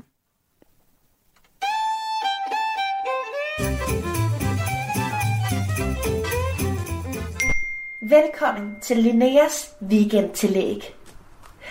Før du når at tænke, ah, weekend, endelig tid til afslappning, så lad mig lige stoppe dig en gang. Det er forkert tænkt. Vi burde alle snart have forstået, at timerne i weekenden bør bruges til at forbedre sig selv som samfundsborger. Hvordan man som individ bliver bedre for samfundet og samfundsøkonomien, det giver jeg dig svar på lige her hver fredag i fredagsmissionen. Tro det eller ej, men studier viser faktisk, at de glade og tilfredse borgere, det er dem, der bidrager mest til samfundsøkonomien. Færre sygedage, mere slagkraft, mere farve i kinderne, bare bedre ikke for helvede. Så udfordringen er jo så bare, hvordan man i 2024 sådan over en weekend kan blive glad og tilfreds. Men tro det eller ej, det kan faktisk lykkes. Mange store forskningsresultater viser nemlig, at mennesker, der har en hobby, er mere glade og tilfredse end andre. Derfor vil jeg på det stærkeste opfordre derude til at bruge weekenden på at finde sig en hobby. En sund hobby. Find for guds skyld en hobby. Og hvis du synes, at en hobby det måske ikke lige er noget, du gider, så tænk på, at det her det handler ikke om dig og din nydelses skyld. Det her det handler om, at du skal kunne præstere så længe på arbejdsmarkedet som muligt. Jeg vil lige indvende, at det er vigtigt dog, at du vælger den rigtige hobby at kaste sig over. Selv har jeg nemlig prøvet at spille mange år af mit liv, fordi jeg simpelthen valgte den forkerte hobby. Jeg har brugt store dele af mit voksne liv på at snitte min egen fløjte, og det har vist sig ikke at føre nogen som helst steder hen.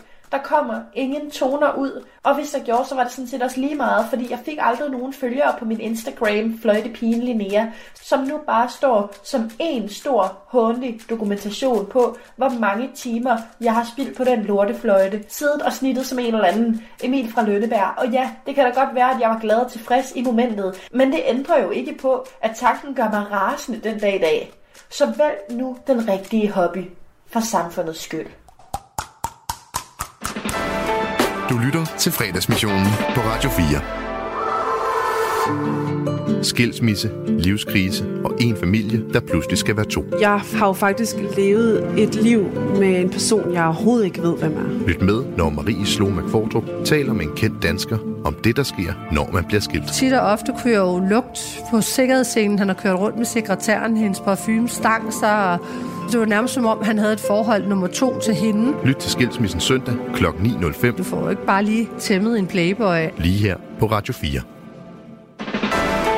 Du lytter til fredagsmissionen på Radio 4. Og vi er slet ikke færdige, for i dag, lige om et øjeblik, er der mere øh, besøg og selskab her i, i studiet her på, på Radio 4, fredagsmissionen. Vi skal nemlig snakke om øh, en af de helt store arrangementer, der foregår i weekenden, og det er ikke fast lavn.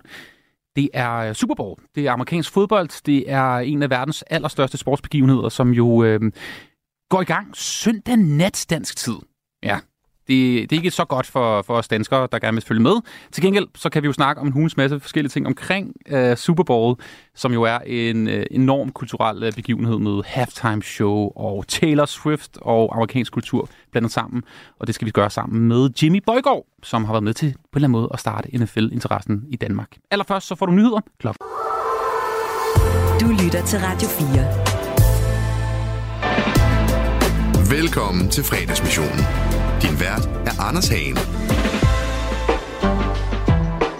Og glædelig fredag, og velkommen indenfor her til fredagsmissionen på Radio 4. Det er jo Radio 4's åbne fredagsbar. Vi sender hver evig eneste fredag fra klokken 14 til 16. Og som altid, så har vi jo vores brevkasseredaktør med lidt senere i programmet til allersidst. Knud Melgaard, hvis du skulle være i tvivl. Du sender en sms ind på 1424, hvis du har et spørgsmål til øh, brevkasseredaktøren.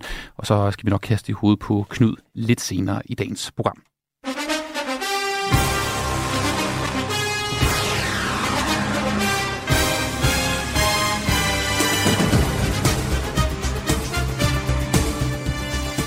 Søndag nat dansk tid, så er der jo øh, Super Bowl. Det er den tid på året, hvor vi jo skal rette øjnene og ørerne mod øh, Nordamerika og USA. Denne gang Las Vegas, hvor Super Bowl altså foregår. Og hvis du skulle være i tvivl om, hvad det er, så er det jo amerikansk fodbold og den helt store finale, hvor de to bedste hold mødes, hinanden, øh, mødes mod hinanden i den her øh, traditionsrige finale, hvor der er halftime show, fantastiske reklamer, cheerleaders. Jeg ved, Jim, er der stadig cheerleaders, Jimmy, egentlig? Ja, det er sådan lidt... Øh, det er der, det er der. Okay. Men øh, det er lidt forskelligt hvor, øh, rundt omkring, efter hvilket hold det er. Jamen, det er bare fordi, det er 2024. Jeg ved ikke, om ja, det er stadig... Ja, om det... men øh, de er der stadigvæk, men de er ikke så meget på tv, Nej. som de har været tidligere. Der er en anden, der er på tv rigtig meget. Det er der. Taylor Swift. Hvis der er nogen, der er i tvivl om, hvem stemmen tilhører, som er i studiet, så er det jo dig, Jimmy Bøjgaard. Velkommen ind for. Tak skal du have. Tak for invitationen. Journalist og øh, sportskommentator. Vi kender dig fra TV2-sporten, hvor du øh, primært øh, kommenterer ishockey jo. Det har du gjort mange år. Og så amerikansk fodbold, NFL. Som jo du på en eller anden måde har været med til at få til Danmark jo. og jeg, jeg kan ikke lade være med at tænke på, Jimmy, fordi dengang du startede tilbage i sådan noget 99-2000, der var det jo en helt anden tid øh, i forhold til vores forhold til USA. USA var et andet land. Altså, det virker som mange, mange årtier siden, ikke? Jo. Øh, vi har haft øh, mange forskellige øh, præsidenter siden, og det virker også lidt som om, at USA er, det fylder helt anderledes i Danmark. Vi synes måske ikke, at USA på samme måde sådan, har den mere. Øhm, hvordan har du det egentlig med USA for tiden?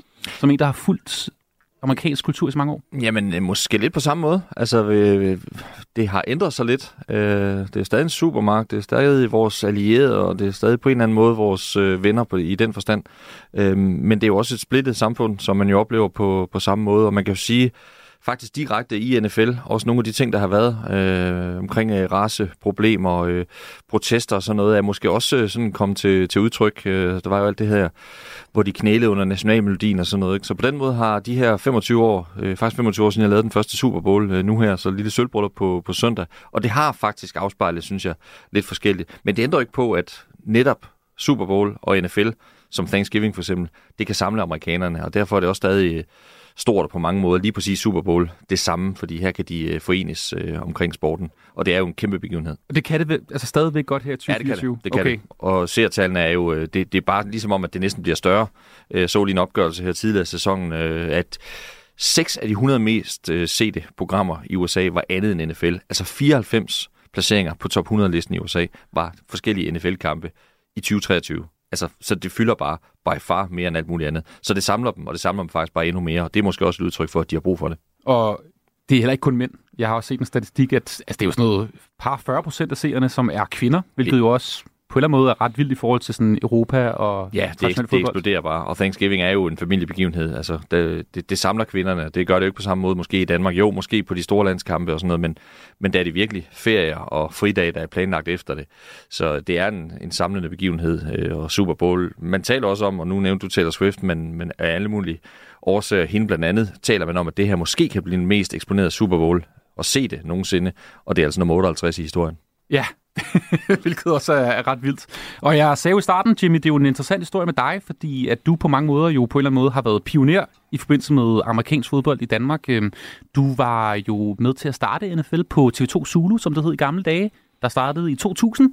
Og øh, dig og Claus Elming blev på en eller anden måde sådan, ja, ansigterne på, på den her nye sport, som vi skulle lære at kende, fordi der var ikke særlig mange danskere, der vidste noget om amerikansk fodbold før det. Der var måske nogen, der havde været på noget udveksling, havde arbejdet i USA. Øhm, hvad var dit eget øh, forhold til amerikansk fodbold? Jamen det var egentlig, at øh, fordi dengang var der jo netop ikke transmissioner fra ligaen, så det, mit forhold til NFL var ikke så stort, fordi jeg fulgte lidt med og set lidt highlights, øh, når de nu kom sendt med bånd over Atlanten, som de gjorde tilbage i 80'erne og 90'erne, øh, kunne følge resultaterne, og, og man vidste, at Morten Andersen spillede derovre, fordi han havde spillet derovre i, i halvandet år 10 på det tidspunkt, men det var primært, når man læste den årlige historie i de store aviser om, øh, der var en dansker, der løb rundt og tjente kassen.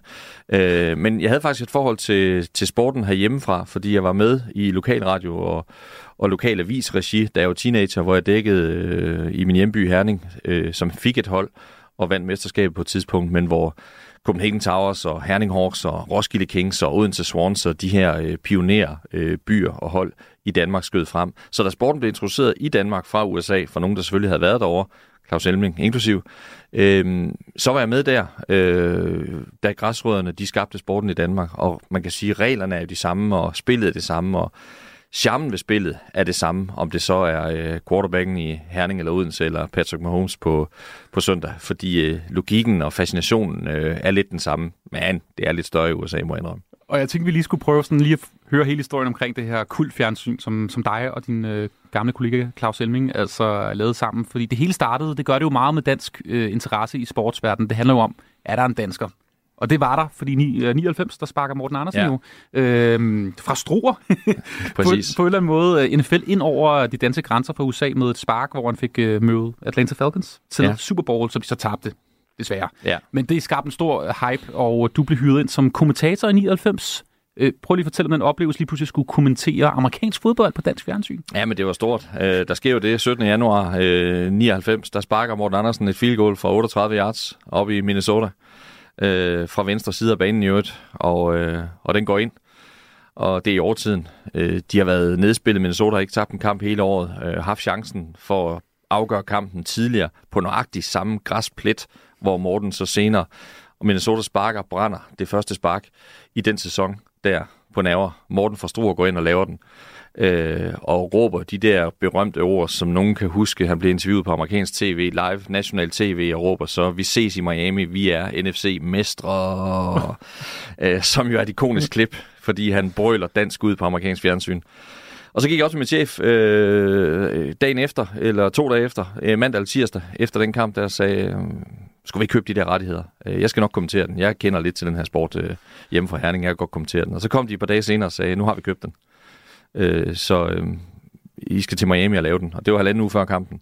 Og sådan starter nogle ting jo lidt tilfældigt. Øh, og det gjorde det med Morten Andersens spark og fuldt op af ledelsen på TV2, der købte rettighederne til den her Super Bowl for øh, nu 25 år siden. Og så, øh, så sad vi der 31. januar. Jeg ringede til Claus og sagde, hvad, skal du ikke en tur ud af softwarebranchen og ind i og lave lidt fjernsyn næste søndag? Jo, det kunne han godt, og så fløj vi til Miami, og så stod vi der, og Cher sang nationalmelodien, og jægerflyene kom over øh, boksen, og Morten stod nede på sidelinjen og, og tabte den Super Bowl, men det var alligevel historie. Og der sad mange 100.000 danskere på TV2 den aften og nat, øh, og så det, inklusive Mortens mormor, øh, som sad i studiet i Odense. Så, så det, var, det var faktisk en begivenhed, der... Altså, det eksploderede lynhurtigt. Det var i få uger, det her, og få dage i virkeligheden. Og alligevel sad der flere hundredtusind danskere, fordi lige pludselig gik det op for danskerne, at øh, her var en finale, og de skulle altså se Morten fra Stor spille den finale. Og sådan startede det. Året efter startede Zulu, og dermed de ugenlige transmissioner. Og the rest is history, vil de nok sige derovre. Jeg tænker, at vi lige skal prøve at zoome ind for, øh, da, da Zulu altså køber rettighederne, som er en ny kanal, ungdomskanal, der starter her i 2000 i efteråret, så er der nogle chefer, Palle Strøm, øh, Kjell Reinicke, der tænker, det der NFL, det, det er sgu meget fedt, og der er en dansker, og der var vist også noget med noget interesse personligt fra, fra en af de to der. Øhm, og så kommer I jo selvfølgelig på, fordi I har jo lavet finalen i 99, Super Bowl-finalen, og, og kommer ind. Og er det noget med, at I så ved første udsendelse finder ud af, at det der med at kommentere øh, amerikansk sport er markant anderledes end dansk? Fordi der er noget med nogle reklamepauser, ikke? Jo, altså, vi sidder og kommenterer. Øh, jeg tror, jeg sidder i en øh, striksvætter eller sådan et eller andet, øh, og store hørebøffer på. Vi sidder i studiet, og vi tænker, at vi skal kommentere den her kamp, og så øh, er der nogle pauser der, hvor, hvor vi så er afbrudt. Det var vi så ikke, fordi vi finder ud af live i transmissionen, og det gør vi første gang, amerikanerne går på reklame, og det gør de fem gange hver kvartal, så det var sådan efter få minutter af kampen, øh, så, øh, så klipper de væk, og så er der sort skærm fra USA, og så øh, finder de ud af i, i studiet i Odense, siger, at I kommer lige på. Og så må vi jo sidde og snakke lidt og padle lidt, og så kom vi på igen, og det gjorde vi så 20 gange i den der kamp af, af to minutter. Så der sad vi jo tre kvarter der i vores øh, tøj. Vi, altså, du ved, hvordan det er at lave radio, ikke? Man kan komme med morgenhår eller eftermiddagshår, eller øh, nej, det kan man nok ikke mere, for I skal på sociale medier, men, men sådan var det i gamle dage. Øhm, og det kunne vi så ikke der. Og det var jo så i virkeligheden måske det, der var hemmeligheden for, at det blev stort, fordi vi sad og nørdede lidt fodbold, og så var det jo sådan, det var. Og så begyndte vi at tage spørgsmål fra seerne. Øh, På det, mail? På mail, ja, som var kæmpestort. Det var også Station 2, der gjorde det dengang. Øh, og det væltede ind med spørgsmål. Folk var nysgerrige på det her, og vi sad jo nok med 5.000 serier i starten, ikke? og så voksede det lidt, og lige pludselig så sad vi med rigtig mange spørgsmål og nysgerrige serier og, og mange serier, og lige pludselig var det her blevet en, en pæn stor niche tv-sportsgren i Danmark. Og I fandt på alle mulige ting, ikke? Altså, hvad der skulle ellers være i studiet. Noget med noget musik og Ja. madlavning og alt muligt gøjl, ikke? Ja, jo, fordi det var jo aften og nat, og folk sad hjemme og hyggede sig på de store events, slutspilsdage, Thanksgiving, øh, Super Bowl, øh, jamen, der sad folk jo og forberedte maden og sad og nørdede lidt, og i og med, at de kunne sende ting ind, jamen, så sendte de også billeder ind og forskellige hilsener. Ikke? Så det blev sådan lidt en lukket, hemmelig klub, vi havde med seerne derude, øh, og vi hørte, jeg kan huske på et tidspunkt en fantastisk historie, jeg hørte i Aarhus, en stor slutspilskamp, slutter klokken halv to om natten, og så er der en, der skriver til os og siger, I skulle bare vide, der var helt dødt i Aarhus, som der jo er klokken kvart over et og bælragende mørkt. Men klokken halv to, da kampen var slut, der væltede det ud med studerende og sådan noget, der havde siddet og set det sammen og skulle hjem, og lige pludselig så lignede det sådan en, når vi cykler hjem fra parken og har set landskamp eller et eller andet, fik vi beskrevet. Øh, ikke? Øh, og det, det er faktisk en af de sjoveste reaktioner, jeg nogensinde har fået på det, fordi der fandt vi ud af, at det her det var faktisk blevet en lukket klub. Så øh, jeg tror, der var lidt fravær på Aarhus Universitet den mandag der, og andre steder også. Men det var ligesom det, der var med til at, at bære det, og det var fede reaktioner at få fra, fra seerne. Og Jimmy, dig og Claus Hemming får jo lov til at tage over til USA og se, altså opleve kampene, lave fjernsyn derovre fra. Jeg har også set nu, der ligger, der ligger ret mange ting på YouTube med jer. Ja. og det, det var lidt en anden tid. Det var sådan noget med interviews med cheerleaders, Ja, og ja, I fik præcis. lov til at... Noget med nogle, gol- der var nogle golfturnering, hvor I skulle vinde en Cadillac eller sådan noget, og der var en Ja, det er. Ja, det er Altså, rigtigt, ja. Og det er jo sådan lidt øh, Beavis and Butthead på tur på ja. en eller anden måde. Med al respekt. Prøv lige, hvad, hvad, hvad oplevede I derovre? Hvad er sådan det vildeste, I, I lavede derovre? Det virker også, som om I... Det var to gutter, øh, der var på, på tur. Og, Ja, og, og vi lavede ved fjernsyn, vi lavede sådan 10 minutter øh, cirka, øh, tre dage op til, hvor vi lavede forskellige ting, var rundt og vise byen, og interviewede cheerleader, og interviewede øh, personligheder, var ude og prøve nogle af de her ting. Øh, tackle-maskiner, hvor man ligesom kan vise, hvad er det for et fysisk element, gribe boldene, spark til bolden og sådan noget. Ikke? Så vi lavede forskellige gimmicks, og prøvede ligesom at bringe det også ind, for at fortælle, hvilket show det er, og hvor meget der sker i byen op til, og også hvor meget øh, man ligesom kan altså, hvor svær sporten egentlig er. Altså, hvor svært er det at sparke, hvor svært er det at kaste, hvor svært er det at gribe, og så er det verdens bedste atleter, der gør det samtidig. Så vi prøvede ligesom at bringe øh, en blanding af sporten og, og showet ind. Mm. Og det lykkedes. Ja, det, folk var i hvert fald med derude, så det virkede til, at det lykkedes i en vis grad. Jimmy, det er mega hyggeligt, du er her. Vi skal snakke om uh, Super Bowl og amerikansk kultur. Vi kan heller ikke komme uden om, uh, om Taylor Swift. Og når det er USA, og det er Super Bowl, og det er ja, hygge, så synes jeg, vi skal have uh, to fadøl i studiet. Det har du bedt om. Så det skal vi lige, lige drikke. Det kommer ind i studiet Sådan. lige om, en- lige om et øjeblik. Glædelig fredag. Velkommen ind. Ja, tak, tak.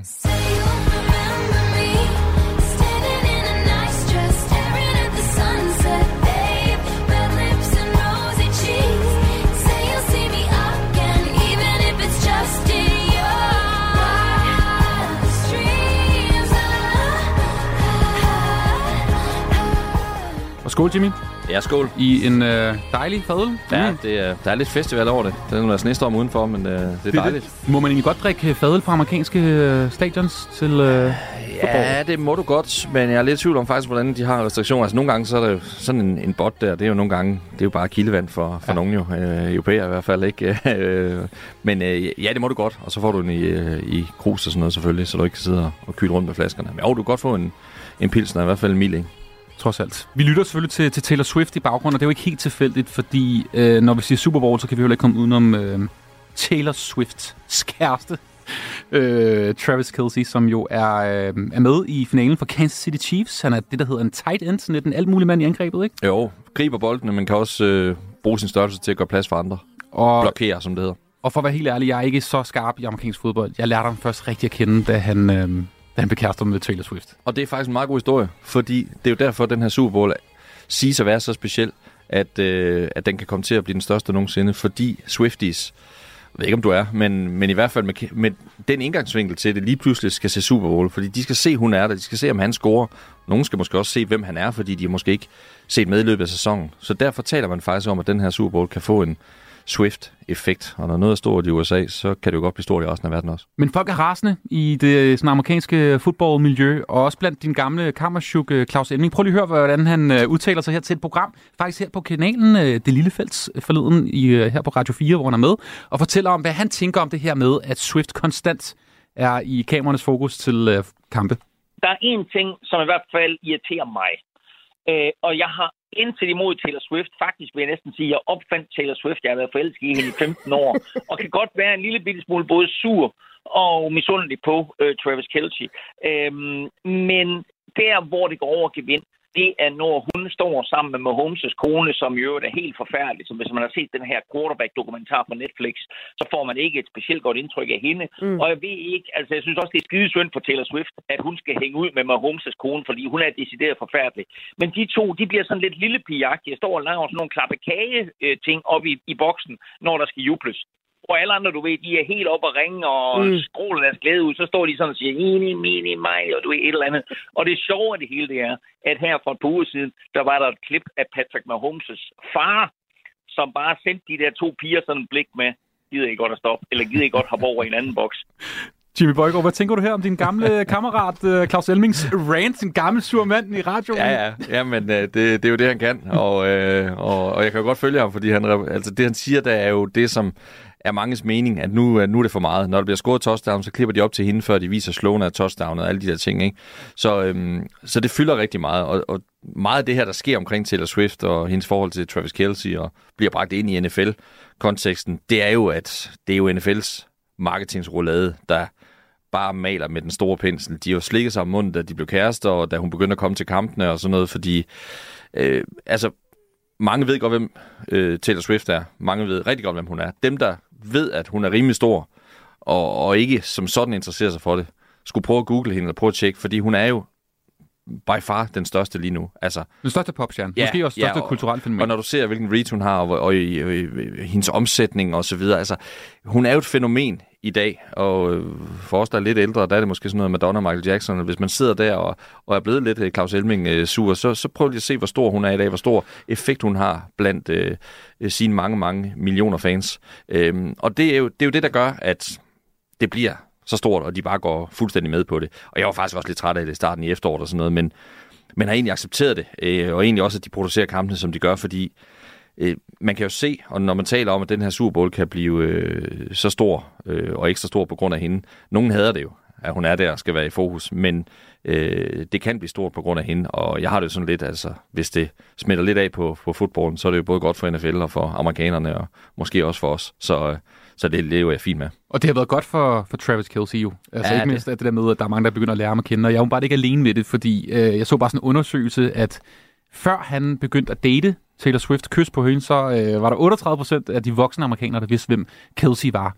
Og nu er der altså cirka 60 procent, der ved, hvem han er. Så det har jo haft en vild altså, effekt på hans karriere, brand, hvad ved jeg, ja. at han er begyndt at, at date hende. Helt klart. Og, og det er jo det, altså fodboldfans, som er lidt irriteret over det, fordi hun lidt kommer ind i den verden, skal jo også øh, huske på, jeg bliver også spurgt på et tidspunkt, hvem er det her en god deal for, øh, og, og, altså i, i udbredelse og Instagram-følger og så videre, altså der er det jo Kelsey, øh, fordi hun er den største. Selvom han er stor i NFL og en af de bedste på sin positioner, har vundet Super Bowl, så er hun meget større end han er, så, så det er jo en gave til NFL, at hun kommer og, og går med på det her. Nogle gange har jeg sådan kunne ane eller fornemmet, at hun var hun lidt træt af, at der var for meget kamera på, men, men hun ved jo godt, de er der. Så, så det er sådan lidt, nu spiller jeg lidt sur, men jeg er jo fuldstændig klar over det og, og bruger det også. Vi, vi går all in, og hun møder op til kampene i, øh, i hans trøjer og, og jakker og så videre. Ikke? Hun, og var det trådsalget også på Kelsey-trøjerne ja, var stedet og sådan noget? Det... Ja, men hun går all in, og, og hun ved selvfølgelig godt, hvad hun gør. Øhm, og, og ved du hvad, det er fint. Det er USA, og de er glade, og øh, virker jo også til at være, være glade som kærester. Ikke? Så, øh,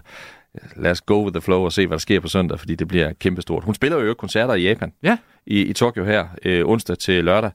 Og øh, det, det er jo så vanvittigt med, med hende. Hun skal spille koncert i ja, morgenaften så, øh, og har så et, et døgns tid til at komme til Las Vegas til finalen.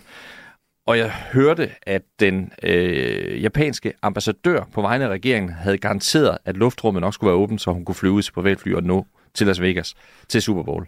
Så vi er oppe på regeringsniveau. Øh, Hun har simpelthen en linje direkte ja. ja. til, øh, til den øverste. Præcis, og Hvis hun vi- er der. Hvis vi lige skal sådan kort fokusere på, på altså Swifts kæreste, øh, Travis Kelce, så er han jo også en ret spændende fyr, udover at han har vundet Super Bowl og er en af de bedste overhovedet lige nu. Øhm, så er han også en, lidt en, øh, en, en sjov type, fordi han har en podcast, han laver sammen med sin bror, som jo også er, er spiller ikke øhm, på et konkurrerende hold. Han har, han har været, altså, været med i et datingprogram. Det var selvfølgelig præ-Swifts. Han er også er noget med, at han er blevet taget for at ryge pot også. Ja, og han, ja, ja, og han er, han er, han er farverig. Øhm, og den podcast, de har, det er jo altså to spillere i ligaen, skal man tænke på, ikke, som er ret åbne og, og bruger en del af deres øh, hverdag og, og deres uge på det her. Øh, og der er de jo øh, måske lidt mere åbenmundet, end nogen vil være, men folk elsker at lytte til den her podcast, så de er blevet et stort brand, og de mødtes jo i Super Bowl sidste år, øh, hvor det var Philadelphia, der mødte Kansas City, hvor det var Kelsey Bowl, og i år er det så Swift Kelsey Bowl, ikke? Så, så der er nogle gode historier, der, der klæber sig til det. Der er sket enormt meget for, for Travis Kelsey og Kelsey-familien her det seneste år i øh, popularitet og udbredelse. Mm. Hvad var det der med, med hash og pot og sådan noget? Det er jo også, øh, han, med, han har været ude at sige, at der er, der er ret mange af hans kollegaer, der ryger i sommerpausen. Ja, jeg, jeg kender ikke helt historien i, i detaljer, men, øh, men der har været, øh, og, og jeg ved heller ikke lige helt, hvilken, hvilken version man skal gå med, for jeg har set det på forskellige øh, bud på det, men, øh, men ja, han har været lidt omtalt i, i forskellige sammenhænge. Det kan vi godt slå fast. Har du en fornemmelse af, at øh, lad os nu sige, at Kansas City Chiefs, som jeg forstår det, er faktisk undertippet her i, i Super Bowl. Ja, lidt undertippet. Hvis nu de ender med at vinde, er det så, skal vi så forestille os, at det første, der sker efter, øh, vi har selvfølgelig quarterback med Honey, som er den største, ikke? Men, men så bliver det ret hurtigt klippet over til, til Swift og 100 Kelsey. 100 procent. Kan du prøve sådan at fortælle, hvad der kommer til at ske, tror du? Jamen, øh, jeg, jeg aner det jo ikke, for hun sidder oppe i en boks, men jeg tror, at hvis de vinder, lurer mig, om hun ikke går ned på banen og ender med at stå nede på banen og, og kysse lidt på ham. Altså, jeg, jeg tror, at øh, hvis ikke hun selv gør det, så er der nok nogen, der siger, hvad kunne du ikke tænke dig og så bliver hun eskorteret dernede. Men i hvert fald bliver det en øh, meget jublende øh, Taylor Swift op i, i den øh, loge, hvor hun vil sidde, øh, som vi har set i andre kampe. Men der, der er jo et virvar nede på banen, når det her sker omkring øh, ceremoni og så videre. Lurer mig, om hun ikke nok skal finde vej derned, og øh, marketingsafdelingen i NFL nok skal finde en vej, hvor øh, der er en elevator, der er reserveret til hende. Og, og så går han måske på pension, eller hvad? Det er ja, også lidt spekulation ja, i. altså det, Hvad tror du? Jeg, jeg ved det ikke helt. Øh, jeg, jeg ved det ikke helt. Broren øh, er lige stoppet, øh, har meldt øh, karrierestop ud. Jeg, jeg ved ikke rigtig, hvad hans øh, planer er. Øh, det vil jo være stop på toppen, hvis de vinder igen. Øh, og han kan jo ikke pike mere, møde sin bror i Super Bowl sidste år og have den her med Taylor Swift, hvis de så vinder igen. Øh, men altså, han er også en atlet. Han har været lidt skadet i år, øh, men han har været god her i slutspillet. Og han har taget nogle af de store rekorder. Øh, og jeg kunne lad os nu se. Altså, de skal som regel lige have et par måneder. Han, han har Patrick Mahomes som quarterback, øh, og ved godt, at der måske kunne ligge en Super Bowl sejr eller to mere i, øh, i hans hænder, som den kastende quarterback, og Kelsey til at gribe boldene. Jeg vil godt lige se det, når vi nærmer os øh, træningslejren øh, i august øh, og hen over sommeren, om, om han ikke får lyst til at, at gribe lidt flere bolde fra Mahomes. Whoa!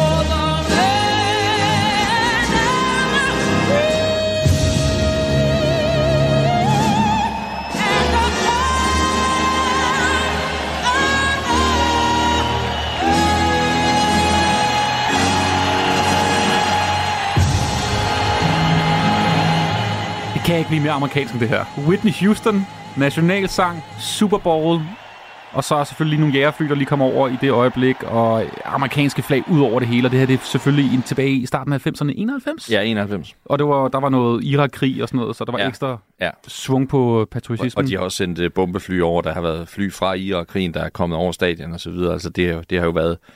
Super Bowl har kørt i den her, øh, ja nu 58 gange, øh, og netop over Irak-krigen, øh, 9-11, der har været forskellige øh, øh, ting, som har involveret nationen. Øh, de har også altid haft tradition for, det havde de også i Irak. De havde en direkte omstilling til soldaterne, der sad i Irak øh, og kiggede på, øh, på tv-signalet. Og man kan være sikker på, at det eneste tidspunkt på året, hvor øh, amerikanske soldater ikke angriber, det er de tre timer, hvor der er Super Bowl.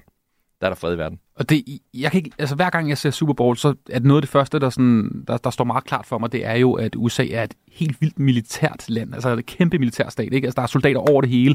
De, det, det er jo bare et, et helt andet land i Danmark. Altså Ja. det der med at have soldater til en fodboldkamp, vil jo være meget fjernt for os. Og hylde hæren, det fylder så meget, ikke? Det er jo bare en militærstat på den Jamen, måde. ja, altså når du ser øh, soldater i en i almindelig lufthavn på vej, bare et eller andet sted hen, og de kommer i deres militærtøj, så rejser folk sig op, løfter på hatten, klapper af dem inde i, øh, i afgangshallen. Det har jeg set flere gange i, i USA, og på en eller anden måde er det jo smukt, men det er også meget anderledes for, for os. For nok hylder vi dem, og hylder også veteranerne er blevet bedre til det, men, men det er jo ikke sådan, at vi sidder der, øh, når vi skal øh, med afgang til Karup, øh, sidder og, og klapper af dem lige frem ud Kastrup, vel? Så, så det, det kan noget specielt. Og i øvrigt, den der Whitney Houston-historie er, er ret fantastisk, hvis jeg må fortælle den kort, Meget fordi hun er jo et ikon, og for, hun har jo lidt den appel, kan man sige, til nogle af de seere, som Taylor Swift måske skal logge på søndag, uden sammenligning i øvrigt. Men den øh, performance, hun havde af Nationalmelodien øh, dengang i 91, øh, er, tror jeg, objektivt regnet som den bedste nogensinde. Hvis du lavede en afstemning blandt amerikanere, så vil den vinde. Det er den bedste nationalmelodi i 58 Super Bowls. Og på, på søndag er det 12 år siden, Whitney Houston døde, øh, så der skal nok komme nogle referencer til det. Og hver gang man hører de her strofer, de 2 minutter og 32 sekunder, den amerikanske nationalmelodi bliver afsunget på sekundet, før jægerflyene kommer, før Super Bowl, og i øvrigt bliver det på søndag, 4 minutter i halv et om natten, natten til mandag, øh, der, der vil de her to og et halvt minut foregå, og det er altid stort, fordi det er det sidste, de sidste minutter inden, og det er en samlende begivenhed i USA. Så for mig er Whitney Houstons øh, præstation dengang, og i det hele taget bare nationalmelodien, noget af det største til Super Bowl. Det er altid noget, jeg blev rørt, da du spillede det klip her, fordi der går så mange følelser igennem det. Og jeg er altid blevet rørt, når jeg stod på stadion eller i studiet og, og hørt den her melodi netop før Super Bowl, fordi den har en helt speciel betydning lige der. Mm.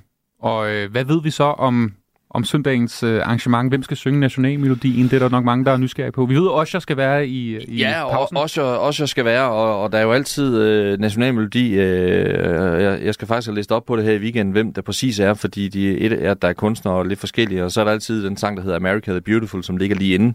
Øh, og, øh, og det er ikke sådan nødvendigvis super store navne altid. Det har der nogle gange været, altså meget store navne, og andre gange så er det sådan mere øh, ordinær, og så er det øh, halftime show, der er fokus på. Sidste år var det Rihanna, som jeg stod og annoncerede, at hun var gravid.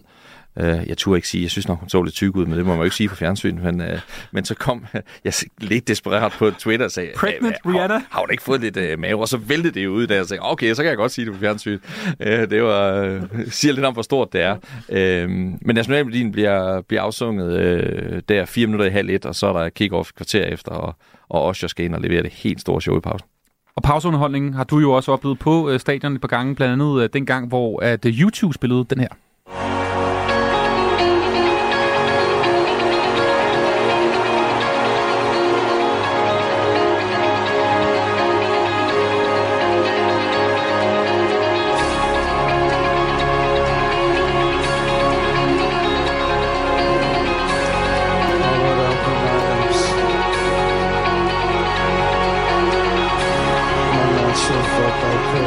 Og vi er tilbage. Er det i 2002, det her?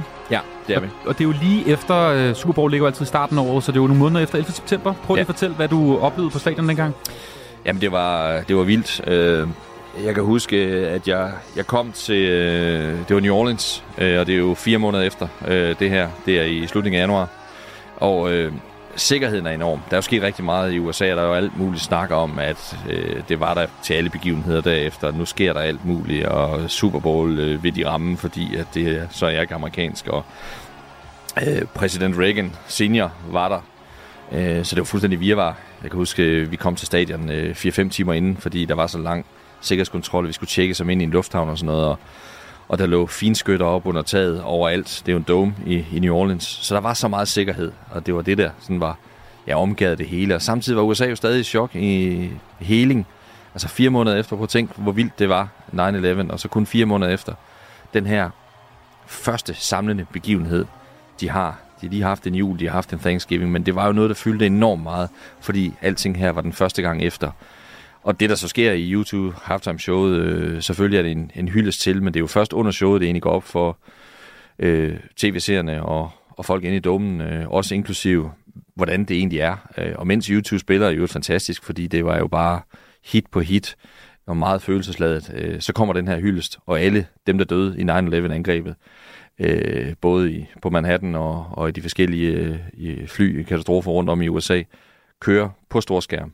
Alle 5.000 navne kører bare øh, op og, og som en vanvittig hyldest. Og, og da det sker, altså jeg kan jo se det for mig nu, hvordan vi blev rørt, hvordan amerikanerne blev rørt, og hvordan også hele verden blev rørt, fordi det var jo, altså, du kan ikke, du kan ikke finde større hyldest til de afdøde, øh, og et større mindesmærke næsten udfoldet live på tv, end det vi så den aften der. Og derfor vil det her YouTube halftime show for altid, altså, det gav jo dem en særlig plads i hjertet, at de lød det fylde så meget.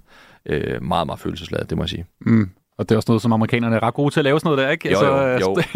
og, det er også, en- og det er en måde for dem også at komme tilbage. Så kan man også synes, det er lidt ulækkert, er det for meget og så videre. Øh, men, men det er også noget, der virkelig er med til at hele dem og samle dem, at de gør det her øh, på den måde. Og det har jeg set ved mange andre også øh, sportsbegivenheder, hvordan de egentlig kommer videre på den måde. Er det egentlig bevidst det der med, at præsidenten ikke har nogen rolle? Der er ikke rigtig nogen politikere til stede. Jeg tror, hvis det havde været i Danmark, og det havde været så stor en begivenhed, havde der jo minimum været en eller anden minister, eller måske statsministeren, der havde været Ja. et, et skud af på Ja. stadion. Det synes jeg ret sjældent, vi ser det Jamen, Super det, Bowl. er, det er sjældent, men der har været øh, præsidenter på stadion.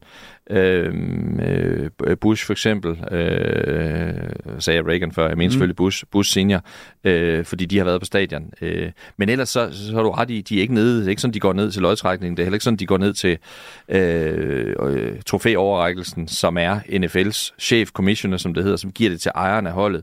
Øh, det, det er traditionen der. Men så er der jo altid det her i alle amerikanske sportsgrene, øh, baseball, basketball, øh, NFL, at der er en officiel modtagelse i det hvide hus for vinderne øh, senere på året. Så de gør det på den måde, og så er de der, øh, når de er til stede øh, der, bliver selvfølgelig filmet. Men du har ret i, det er ikke sådan, de sidder og, og er der hvert år som fast tradition, hvilket i øvrigt måske er lidt mærkeligt, men, men det er de ikke. Ej, det, jeg, jeg, jeg, også, jeg, jeg forestiller mig, hvis Joe Biden viser sig, så vil det der vil være en lidt spe- speciel stemning på stadion Ja, i, de, i og- 2024 lige nu, ikke? Ja, og, og øh, der, der er også noget sikkerhed i det. det. øh, Du ved jo ikke, hvad der foregår, men det kunne sagtens være, at det er simpelthen et sted, hvor de ikke tør at risikere, at, fordi der, der er mange mennesker og alt sådan noget, så det kan også være noget risikofaktor i det. Jimmy Bøjgaard fra øhm, en helt særlig øh, halftime show tilbage i Super Bowl 2002, så skal vi til enten eller.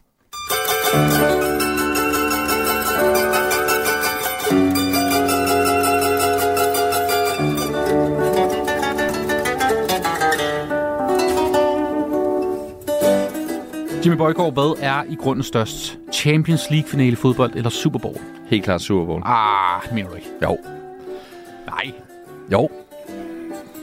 Jamen, men Champions League fodbold er jo resten af verden. Ja. Hvor Super Bowl, det er jo primært USA. Og så er der, ja, nogle, lidt, nogle nørdede typer som dig, der følger med. Det er rigtigt, der er mange, der nok ikke kan forstå det, men, men showet taget i betragtning, og sådan, hvor meget de går all in på enkeltdags begivenhed, så er det jo officielt den største enkeltdags begivenhed. Men altså, det er jo en, det er jo en 50-50, ikke? Så, øh, så jeg kan godt være med dig lidt af vejen. Og øh, spørger du i Argentina og Brasilien, og i hvert fald i Spanien og Italien og sådan noget, så... Stor del af Afrika, mig. Ja, ja, ja. Så, øh, men det er også, øh, det er også hver sin sag, altså. Det er øh, to forskellige ting. Hvad er, det, sådan- altså, hvad er det største land uden for USA, der ser med sådan mål på seere og mål på indbyggere og gennemsnit? Ja, øhm, er, vi, er vi godt med der? Ja, vi er rigtig godt med. Okay. Øh, vi er faktisk, jeg har set en opgørelse i år, det kommer lidt an på, hvordan du laver den, men, øh, men sådan på seerandel, øh, der, der var der en, en liste, hvor vi var fem eller seks i verden, og foran nogle af de, øh, de store. Det er stort i Tyskland, det er stort i Frankrig, det er stort i England, det er stort i Australien. Øh, og du kan jo bare tage nogle af de andre lande. Canada er jo altid stort. Øh, og der var et par af de der store lande, hvor vi var foran på nogle af de der lister, når de gør det op. Ikke i antal, men alligevel i popularitet i forhold til øh, landets størrelse. Der er vi rigtig, rigtig godt med. Men det er jo klart, de der store lande, øh, der er det stort. Øh, og der er også kampe i Tyskland nu, ligesom der har været i, i London øh, siden 2007. Så der er det i hvert fald rigtig stort. Hvem er den største danske idrætsmand? Er følgende to Morten Andersen eller Mikkel Hansen? Morten Andersen. Ja, det må du godt lige motivere. Ah, men det er jo, øh, det er jo også en, en, en, øh, en svær en. Øh, Mikkel Hansen er jo øh, banebrydende i sin sport. Øh, men når jeg siger Morten, så er det jo fordi, at, øh, at vi snakker internationalt og udbredelsen i, i USA. Øh, Hall of Fame status derovre. Øh, men, øh, men jeg har stor sympati og, og kan rigtig godt lide Mikkel, som jeg ved er en stor fodboldfan. Øh, så, det, så det er en presbal. Jeg er glad for, at du ikke sagde øh, Morten Andersen eller Michael Laudrup eller sådan noget. Ved, altså, er det ikke noget med, at Morten Andersen ikke er med i Hall of Fame i Danmark? Er det ikke eller andet? jo, jo, det er han ikke. Nå, Han er i NFL's. Hmm, hmm. Hvor er der mest tilgængelighed for som journalist, menig journalist, at øh, komme i nærheden og komme i kontakt og kunne få et interview med en øh, idrætsmand? Er det i fodbold eller amerikansk fodbold?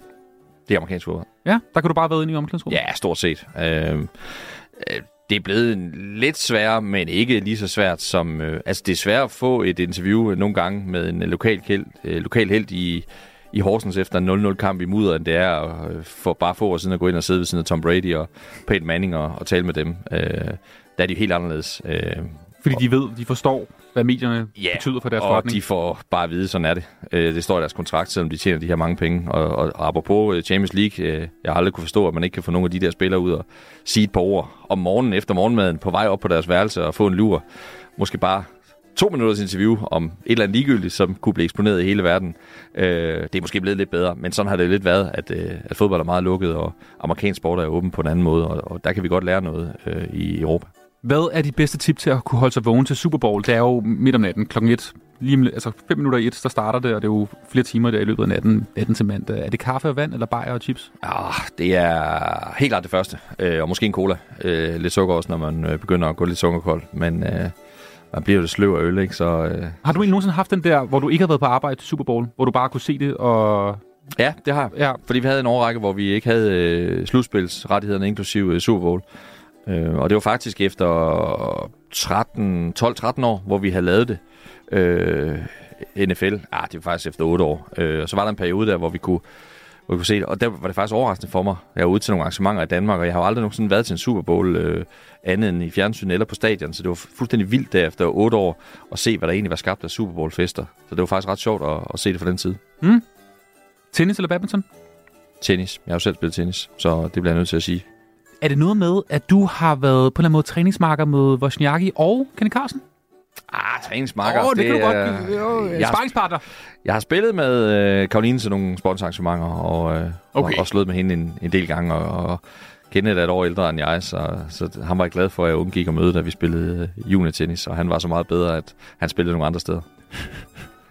Så du var, var det noget med, at du var i semifinalen om det danske mesterskab i? I, herop, ja, indendørs, ja. Ja, okay, så du... Ja, ja, okay. Jeg kunne godt øh, sådan ramme den, når jeg var lidt heldig og havde trænet lidt. Mm. Hvad var sjovest, at spille øh, en del af Kasper Christensens mountainbike-hold Mountain Lions i Kloven, eller at kommentere ikke-runing i en øh, storkerede i Bækmarksbro? ja, det er godt nok øh, to svære valg. Øh, men jeg må gå med Mountain Lions. Det var et ikonisk øh, cykelhold med Kasper og Frank, der har skabt øh, noget fuldstændig vanvittigt. Det var sjovt optaget af, og det var, det var fedt selskab. Hvordan kommer man med i Kloven på den måde? Ringer Kasper til dig og siger, hvad så Jimmy? I kender måske hinanden? Øh, ja, hvad? vi kender hinanden lidt, og Ja. Kasper er faktisk øh, stor NFL-fan, så, så Ah. der har vi snakket lidt. Men det var faktisk Frank, der ringede øh, og spurgte, øh, hvad vi skal bruge en til det der, og så øh, skal du ikke være med der. Og så, så sagde jeg, jo, det skal jeg jo nok. Det er rigtigt, de ser jo faktisk i starten, de første sæson af Kloven, der er der jo faktisk meget NFL-aftener, ja. som jeg husker det. Ja. ja. Det er selvfølgelig også noget med Zulu, og øh, ja, ja. Hvem vil du helst feste med? Et amerikansk fodboldhold eller et dansk fodboldhold? Hvem er sjovest? Du har været tæt på.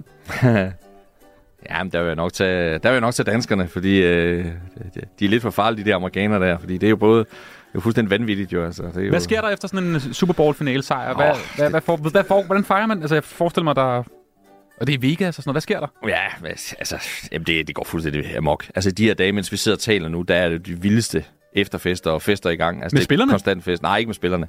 Men, men det er jo øh, det, det er vildt fest, og spillerne, jamen, jeg tør slet ikke forestille mig, hvad de, hvad de laver. Jeg tror, der er nogen til at passe på dem, så de ikke laver alt for mange dumheder, fordi det er selvfølgelig for mange unge spillere og mange millionærer og sådan noget, har lige vundet Super Bowl. De tror jo, øh, de kan gå på vandet, og det kan de jo faktisk også. Øh, Der var nogle videoer med Tom Brady, husker jeg. Ja. Med en, øh, Ja, ja. yards eller sådan noget, ikke? Jo, jo, men altså alle de der sportsfaringer der, det, er- altså, det er jo så ultimativt for dem, øh, og sæsonen slutter, og lige pludselig står du med trofæet, ikke? Øh, Og du er virkelig kongen, øh, og det, det er nogle vilde fester, det er det. Men altså, de er også gode til at holde dem sådan, øh, de får selvfølgelig lidt at drikke, og de hygger sig og spiser, og, men de er nok også trætte og drænet, så det er nok i virkeligheden lige så meget, øh, når de skal hjem til paraden i deres hjemby, og de kommende dage, de fester jo en uge, øh, så, så jeg tror, jeg vil gå med nogle af de danske fodboldspillere, de kan også være sjove at feste med. Hvor tror du, der er mest øh, brug af præstationsfremmende midler? Er det cykelsport eller amerikansk fodbold? ja, den er hård, den der. Øh, ja, det... Øh, det, det puh. Uh, ja. Ja, altså det er jo... Øh, er der doping i øh, American football? Steroider og den slags? Ja, altså, der, der har jo været tilfælde. Øh, spørgsmålet er jo, øh, altså e, et af de tilfælde, der er, spørgsmålet er jo, hvor meget der, der, der ikke kommer frem. Øh, og der er helt klart, ligesom med cykelsporten kan man sige, øh, har der været en klar formodning om, at der har nok været noget, der ikke er, er kommet frem. Øh, og grunden til at jeg sidder og væver lidt, det er jo fordi, at simpelthen, altså, tiden har udviklet sig. Det er uden tvivl blevet bedre. Og det der svar på, er der stadig noget? Kan de gå under radaren? Hvad med alle de der blodpas i cykelsport? Og hvad med det der i... Øh, altså cykelsporten tror jeg 100% er blevet mere ren. Jeg er kæmpe cykelsportsfan. Det har en klar formodning om. Øh, det er noget helt andet. Men dengang, hvor cykelsporten led i slutningen af 90'erne og i 0'erne med, med nogle af ikonerne og sådan noget, der blev ryddet op... Øh, der var det jo sådan noget med, da vi startede med at dække fodbold, det var på samme tid, der fik man jo fire spildags karantæne for ana- steroider i NFL. Øh, det går jo ikke i dag. Altså, du, Fire dage? Fire spildage. det, var, det var ligesom at få et rødt kort øh, ude mod OB. Ikke? Du sidder lige over de næste to uger. Øh, og det er jo fuldstændig vanvittigt at tænke på. Men tester de på samme måde som i cykelsport? Øh, de tester. Øh, og det, det, der er med NFL, det er en privat liga. Mm. Øh, de tester helt sikkert. Men der er også de her om, at øh, på torsdag er der test-agtigt, øh, og sådan det ligesom bliver annonceret. Øh, og vi kender jo ikke alle historierne. Øh, og det er ikke fordi, jeg tror, der foregår en masse fordægt, men der er jo mange af de her ting, der ikke kommer ud øh, nødvendigvis på, hvordan de tester, hvor meget de tester og sådan noget. Men der er klart mere åbenhed, end der har været. Så, ja. Det lyder bare alarmerende, det der med, det er en privat liga. Der er så mange penge på spil. Det er noget med nogle franchises. Ja, jamen det, det gør uh. det jo. Men det er også, men der kan man sige, der er det er også derfor, at tiden er blevet øh, en anden, hvor du er nødt til at, at gøre nogle andre ting. Altså, der er jo sponsorer, der smider penge i det her. Så det er blevet mere transparent, øh, helt klart. Så den der med lige at, at tage, hvad du har lyst til, og så får du fire dage. Øh, og, og, og vi skal huske på, at det her det er nogle af, der er også noget kulturforskel.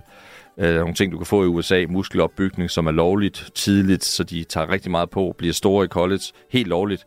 Øh, de bedste træningsmetoder osv., og, og det er jo nogle af de bedste, hurtigste atleter i verden. Men det er jo klart, når du har dem, vi har nogen, der løber så hurtigt som atletikfolk, vi har nogen, der hopper lige så højt som basketballspillere, og, og når du opnår eller forsøger at opnå det bedste, så vil der jo altid være, være tilfælde iblandt. Så det er jo ikke en 100% ren sport på noget niveau, college eller NFL. Selvfølgelig er det ikke det. Vi tager det sidste her, så slipper du. Hvem vil du helst have til at arrangere dit polterappen? Claus Elming eller Jonas Vingård? det kommer med på, til hvor mange her jo. Hvad, hvad ja, man til? Ja, præcis. Jeg, jeg, jeg tør ikke gå med Claus, så jeg tager Vingegaard. Det. Som du jo også har haft øh, været i nærkontakt med, ikke? I forbindelse med Tour de France-fejring og den slags. Ja, præcis. Ja, fornøjelsen at præsentere ham to gange på, på balkongen på Rådhuset. Stille og rolig fyr, og han er god, han er god til at køre opad. Men der, så tror jeg faktisk, hvis jeg skal opholde appen, så øh, gevinsten ved det, det er jo, at hvis vi kunne køre Mountain Lions, Oh, ja, så, okay. øh, med, med, og så sidde på jul af Vingegaard, det kunne være stort. Der er Claus, er I egentlig stadig i buddies? Er I øh, mødes I privat? Og... Øh, Vi mødes af til, og møder hinanden til forskellige arrangementer, og udveksler lidt øh, øh, ting indimellem, men vi hænger ikke ud sådan øh, dag og nat. Øh, men, men vi ses jo stadig øh, rundt omkring. Og altså, de minder, vi har, er jo, øh, er jo fantastiske omkring øh, Super Bowl. Det, øh, det, er- det er virkelig fede minder, vi har, og det vil altid øh, binde os sammen. Makkerparet altså fra NFL i de gode gamle dage på TV2 Zulu. Det var en NFL-ming. NFL-ming, præcis. Enten eller med Jimmy Bøjgaard. til anden halvleg. Super Bowl 38. Ej, så kommer der en streaker. Der står en streaker ind midt på banen. Det er da fantastisk. Også lidt forskel på jeres, jeres øh, hvad kan man sige, øhm, energier omkring et streaker til et Super Bowl på et tidspunkt. Elming var meget glad. Ja, det var han. Det Ja. var, og det er jo et af minderne. Ja. ja. og det, var, det var jo øvrigt vores eget kamera. Amerikanerne ville ikke vise det der på tv.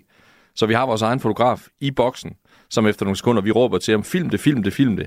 Så vi klipper det ud, og det bliver vist live i Danmark, men ingen andre steder i verden, fordi det kommer ikke ud på det officielle signal. Amerikanerne vil ikke have en, øh, en streaker øh, på banen, så det var kun i Danmark, man så det der.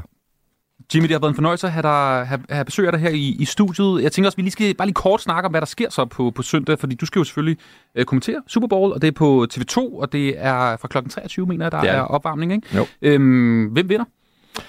Åh, oh, det er et virkelig godt spørgsmål. Øh, det, noget af det, der er fedt med den her Super Bowl, det er, at det er en fuldstændig åben kamp. Uh, 49ers, San Francisco 49ers er øh, lille favorit.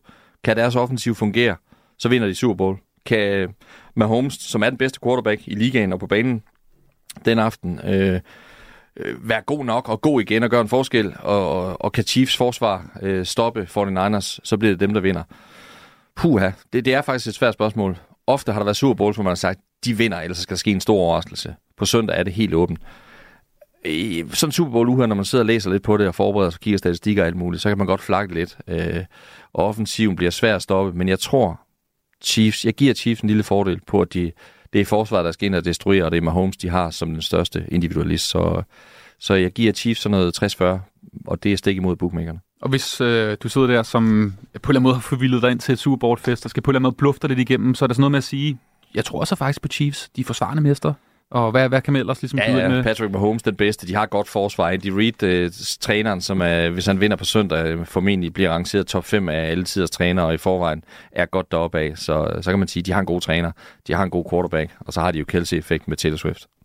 Det er kl. 23 søndag nat, at du sammen med resten af holdet på TV2 altså skal øh, dække Super Bowl, og det er den 58. 7. Det er det. udgave, og det er fra Las Vegas, byerne over dem alle i, i USA, mellem øh, Kansas City Chiefs og San Francisco, San Francisco 49ers. Jim Bøjgaard, en fornøjelse at have besøg af dig her i studiet. Tak for det. Du lytter til fredagsmissionen på Radio 4. Er du klar på noget nyt fra Radio 4? Er du... Vent lidt. Nu kommer der endelig... Nej.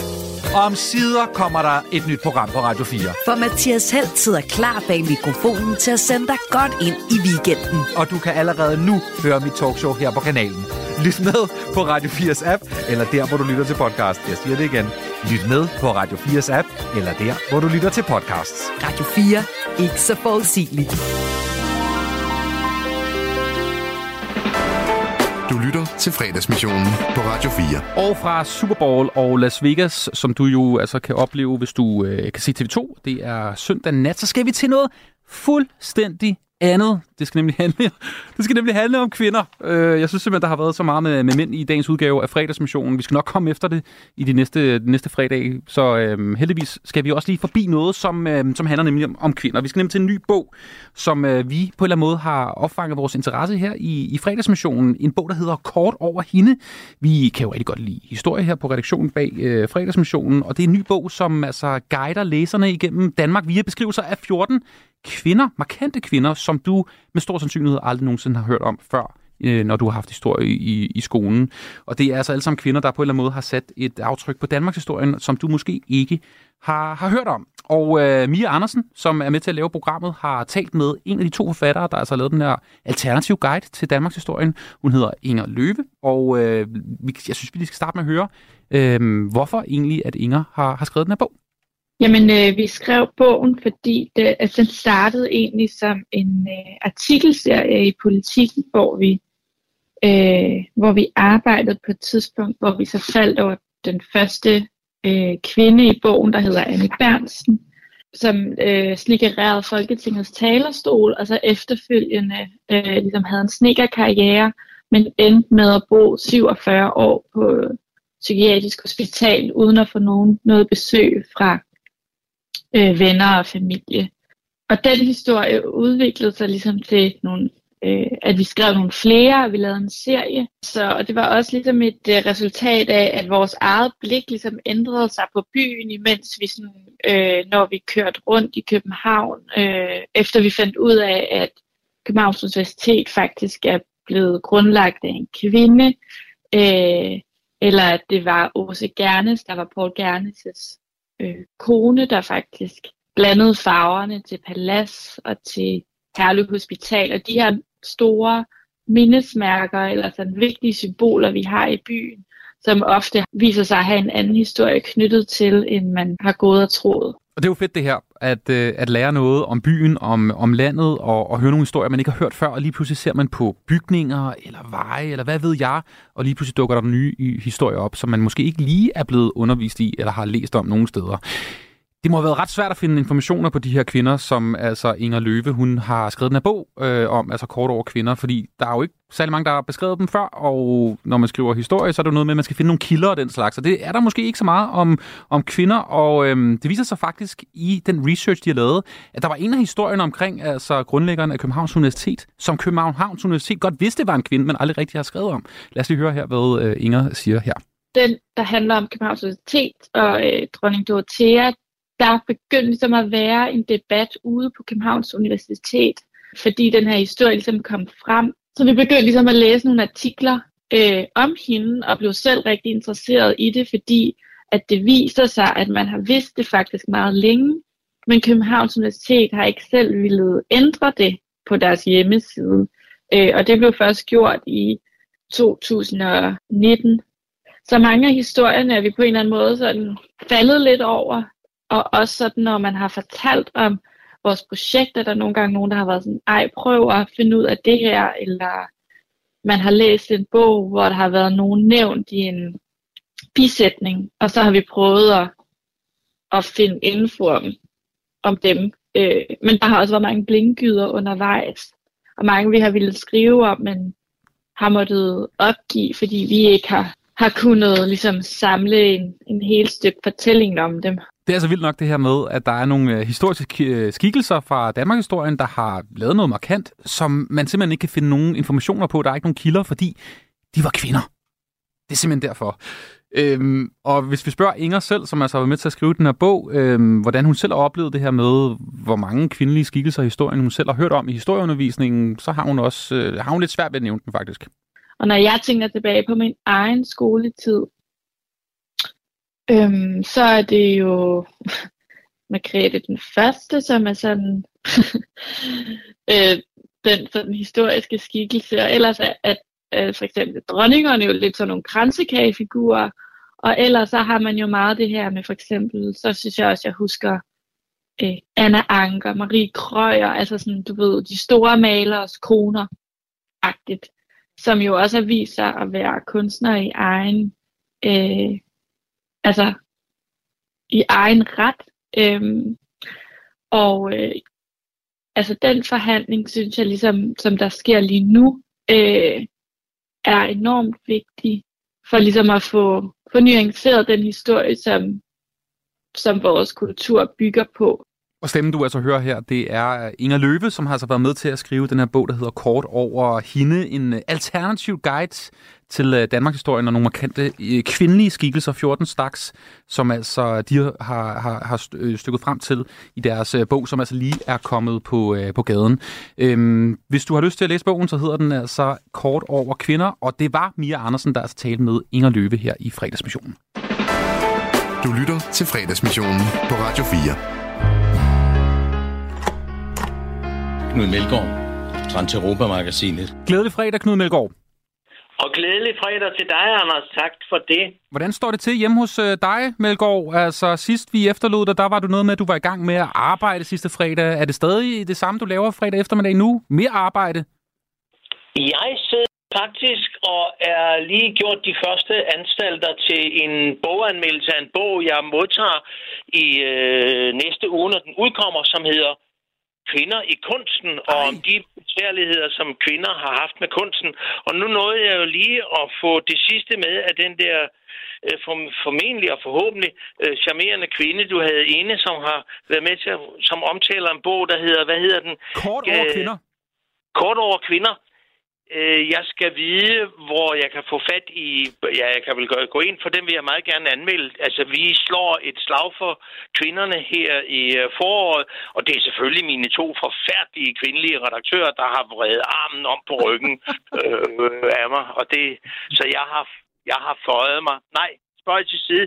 Jeg synes, det er en rigtig, rigtig god idé, at øh, der bliver sat fokus på øh, nogle af de kvinder, som har gjort sig gældende. Og jeg var i særdeleshed glad for at høre om min yndlingsmaler på Skagen, nemlig Anna Anker, lysets mester. Der er ikke nogen af de andre, der når hende til sokkerholderne, så enkelt er det. Og det er selvfølgelig fra Politikens Forlag, øh, den her bog, den udkommer, som altså, vi hørte om. Godt. Øh, Godt. Og, og Melgaard, vi skal jo øh, kaste os direkte ned i øh, brevkassen, øh, før vi når øh, bassinet senere øh, fredag øh, eftermiddag. Så skal vi lige forbi øh, brevkassen først, Knud, og der er jo kommet spørgsmål ind, som altid, på 1424 til dig. Er du klar? Bare kast ud. Hvad synes du i grunden om voksne mennesker, der klæder sig ud til faste lavn? Kære Knud, det er Peter, der spørger. Nu skal jeg jo ikke sidde og gøre reklame for andre kanaler. Jeg fik det samme spørgsmål i går i Tsunami. Øh, det, ja. Jeg synes da, det er skægt. Jeg er jo klædt ud hver dag, siger statsministeren. Øh, jeg, jamen, jeg synes da, det er en god idé. Det overrasker mig. Nå, okay. Nej, nej, nej. Altså, øh, øh, Anders, øh, du ved da, hvordan jeg har en tendens til at klæde mig ud, så jeg forsøger at ligne en nobel herre, hvad jeg absolut ikke er. Jeg er jo fra Vesterbro. Bare giv den gas og klæde dig ud som hvad som helst. Det synes jeg, da er fint. Har du et, øh, et øh, kostyme, som du skal have på her til en fastelavnsfest? Nej, det har jeg ikke, fordi øh, jeg, jeg, klæder mig ikke, jeg klæder mig ikke ud, men, men jeg går jo heller ikke rundt og kysser herre på gaden. Derfor kan jeg jo stadigvæk godt lide homoseksuel. Men jeg gider ikke klæde mig ud til faste lavn. Altså, det, det er jeg holdt op med for mange år siden. Men jeg synes, der, det er sgu da en uskyldig spøj. Det er da altid. Bare gå til den. Vi tager lige det sidste, før vi skal have nyheder her. Øh, hej Knud, det er meget kort her. Kære brevkasse, fastforrentet eller flekslån, hvad er din erfaring? Ja, min erfaring er, at man skal låne, hvad man kan, hvor som helst. Det har jeg altid holdt mig til. Og jeg er ligeglad, øh, hvad det er. Jeg skylder stadigvæk en 3-4 banker en masse penge, så bare lån væk. Således, øh, brevkassen denne fredag eftermiddag. Knud Melgaard, du må have en dejlig weekend. Pas på dig selv, gamle ven. Og i lige måde. Knud Melgaard, Trans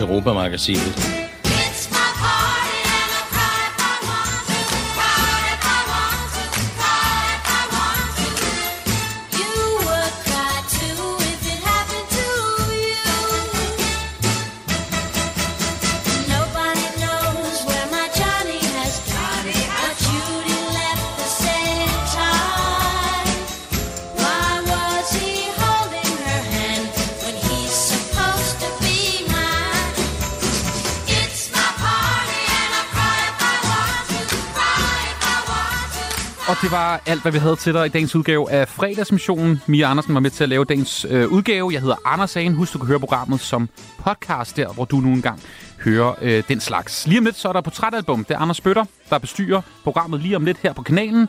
Ha' en dejlig weekend. Lige nu skal du allerførst have nyheder. Klokken er sammen. Du har lyttet til en podcast fra Radio 4. Find flere episoder i vores app, eller der, hvor du lytter til podcast. Radio 4. Ikke så forudsigelig.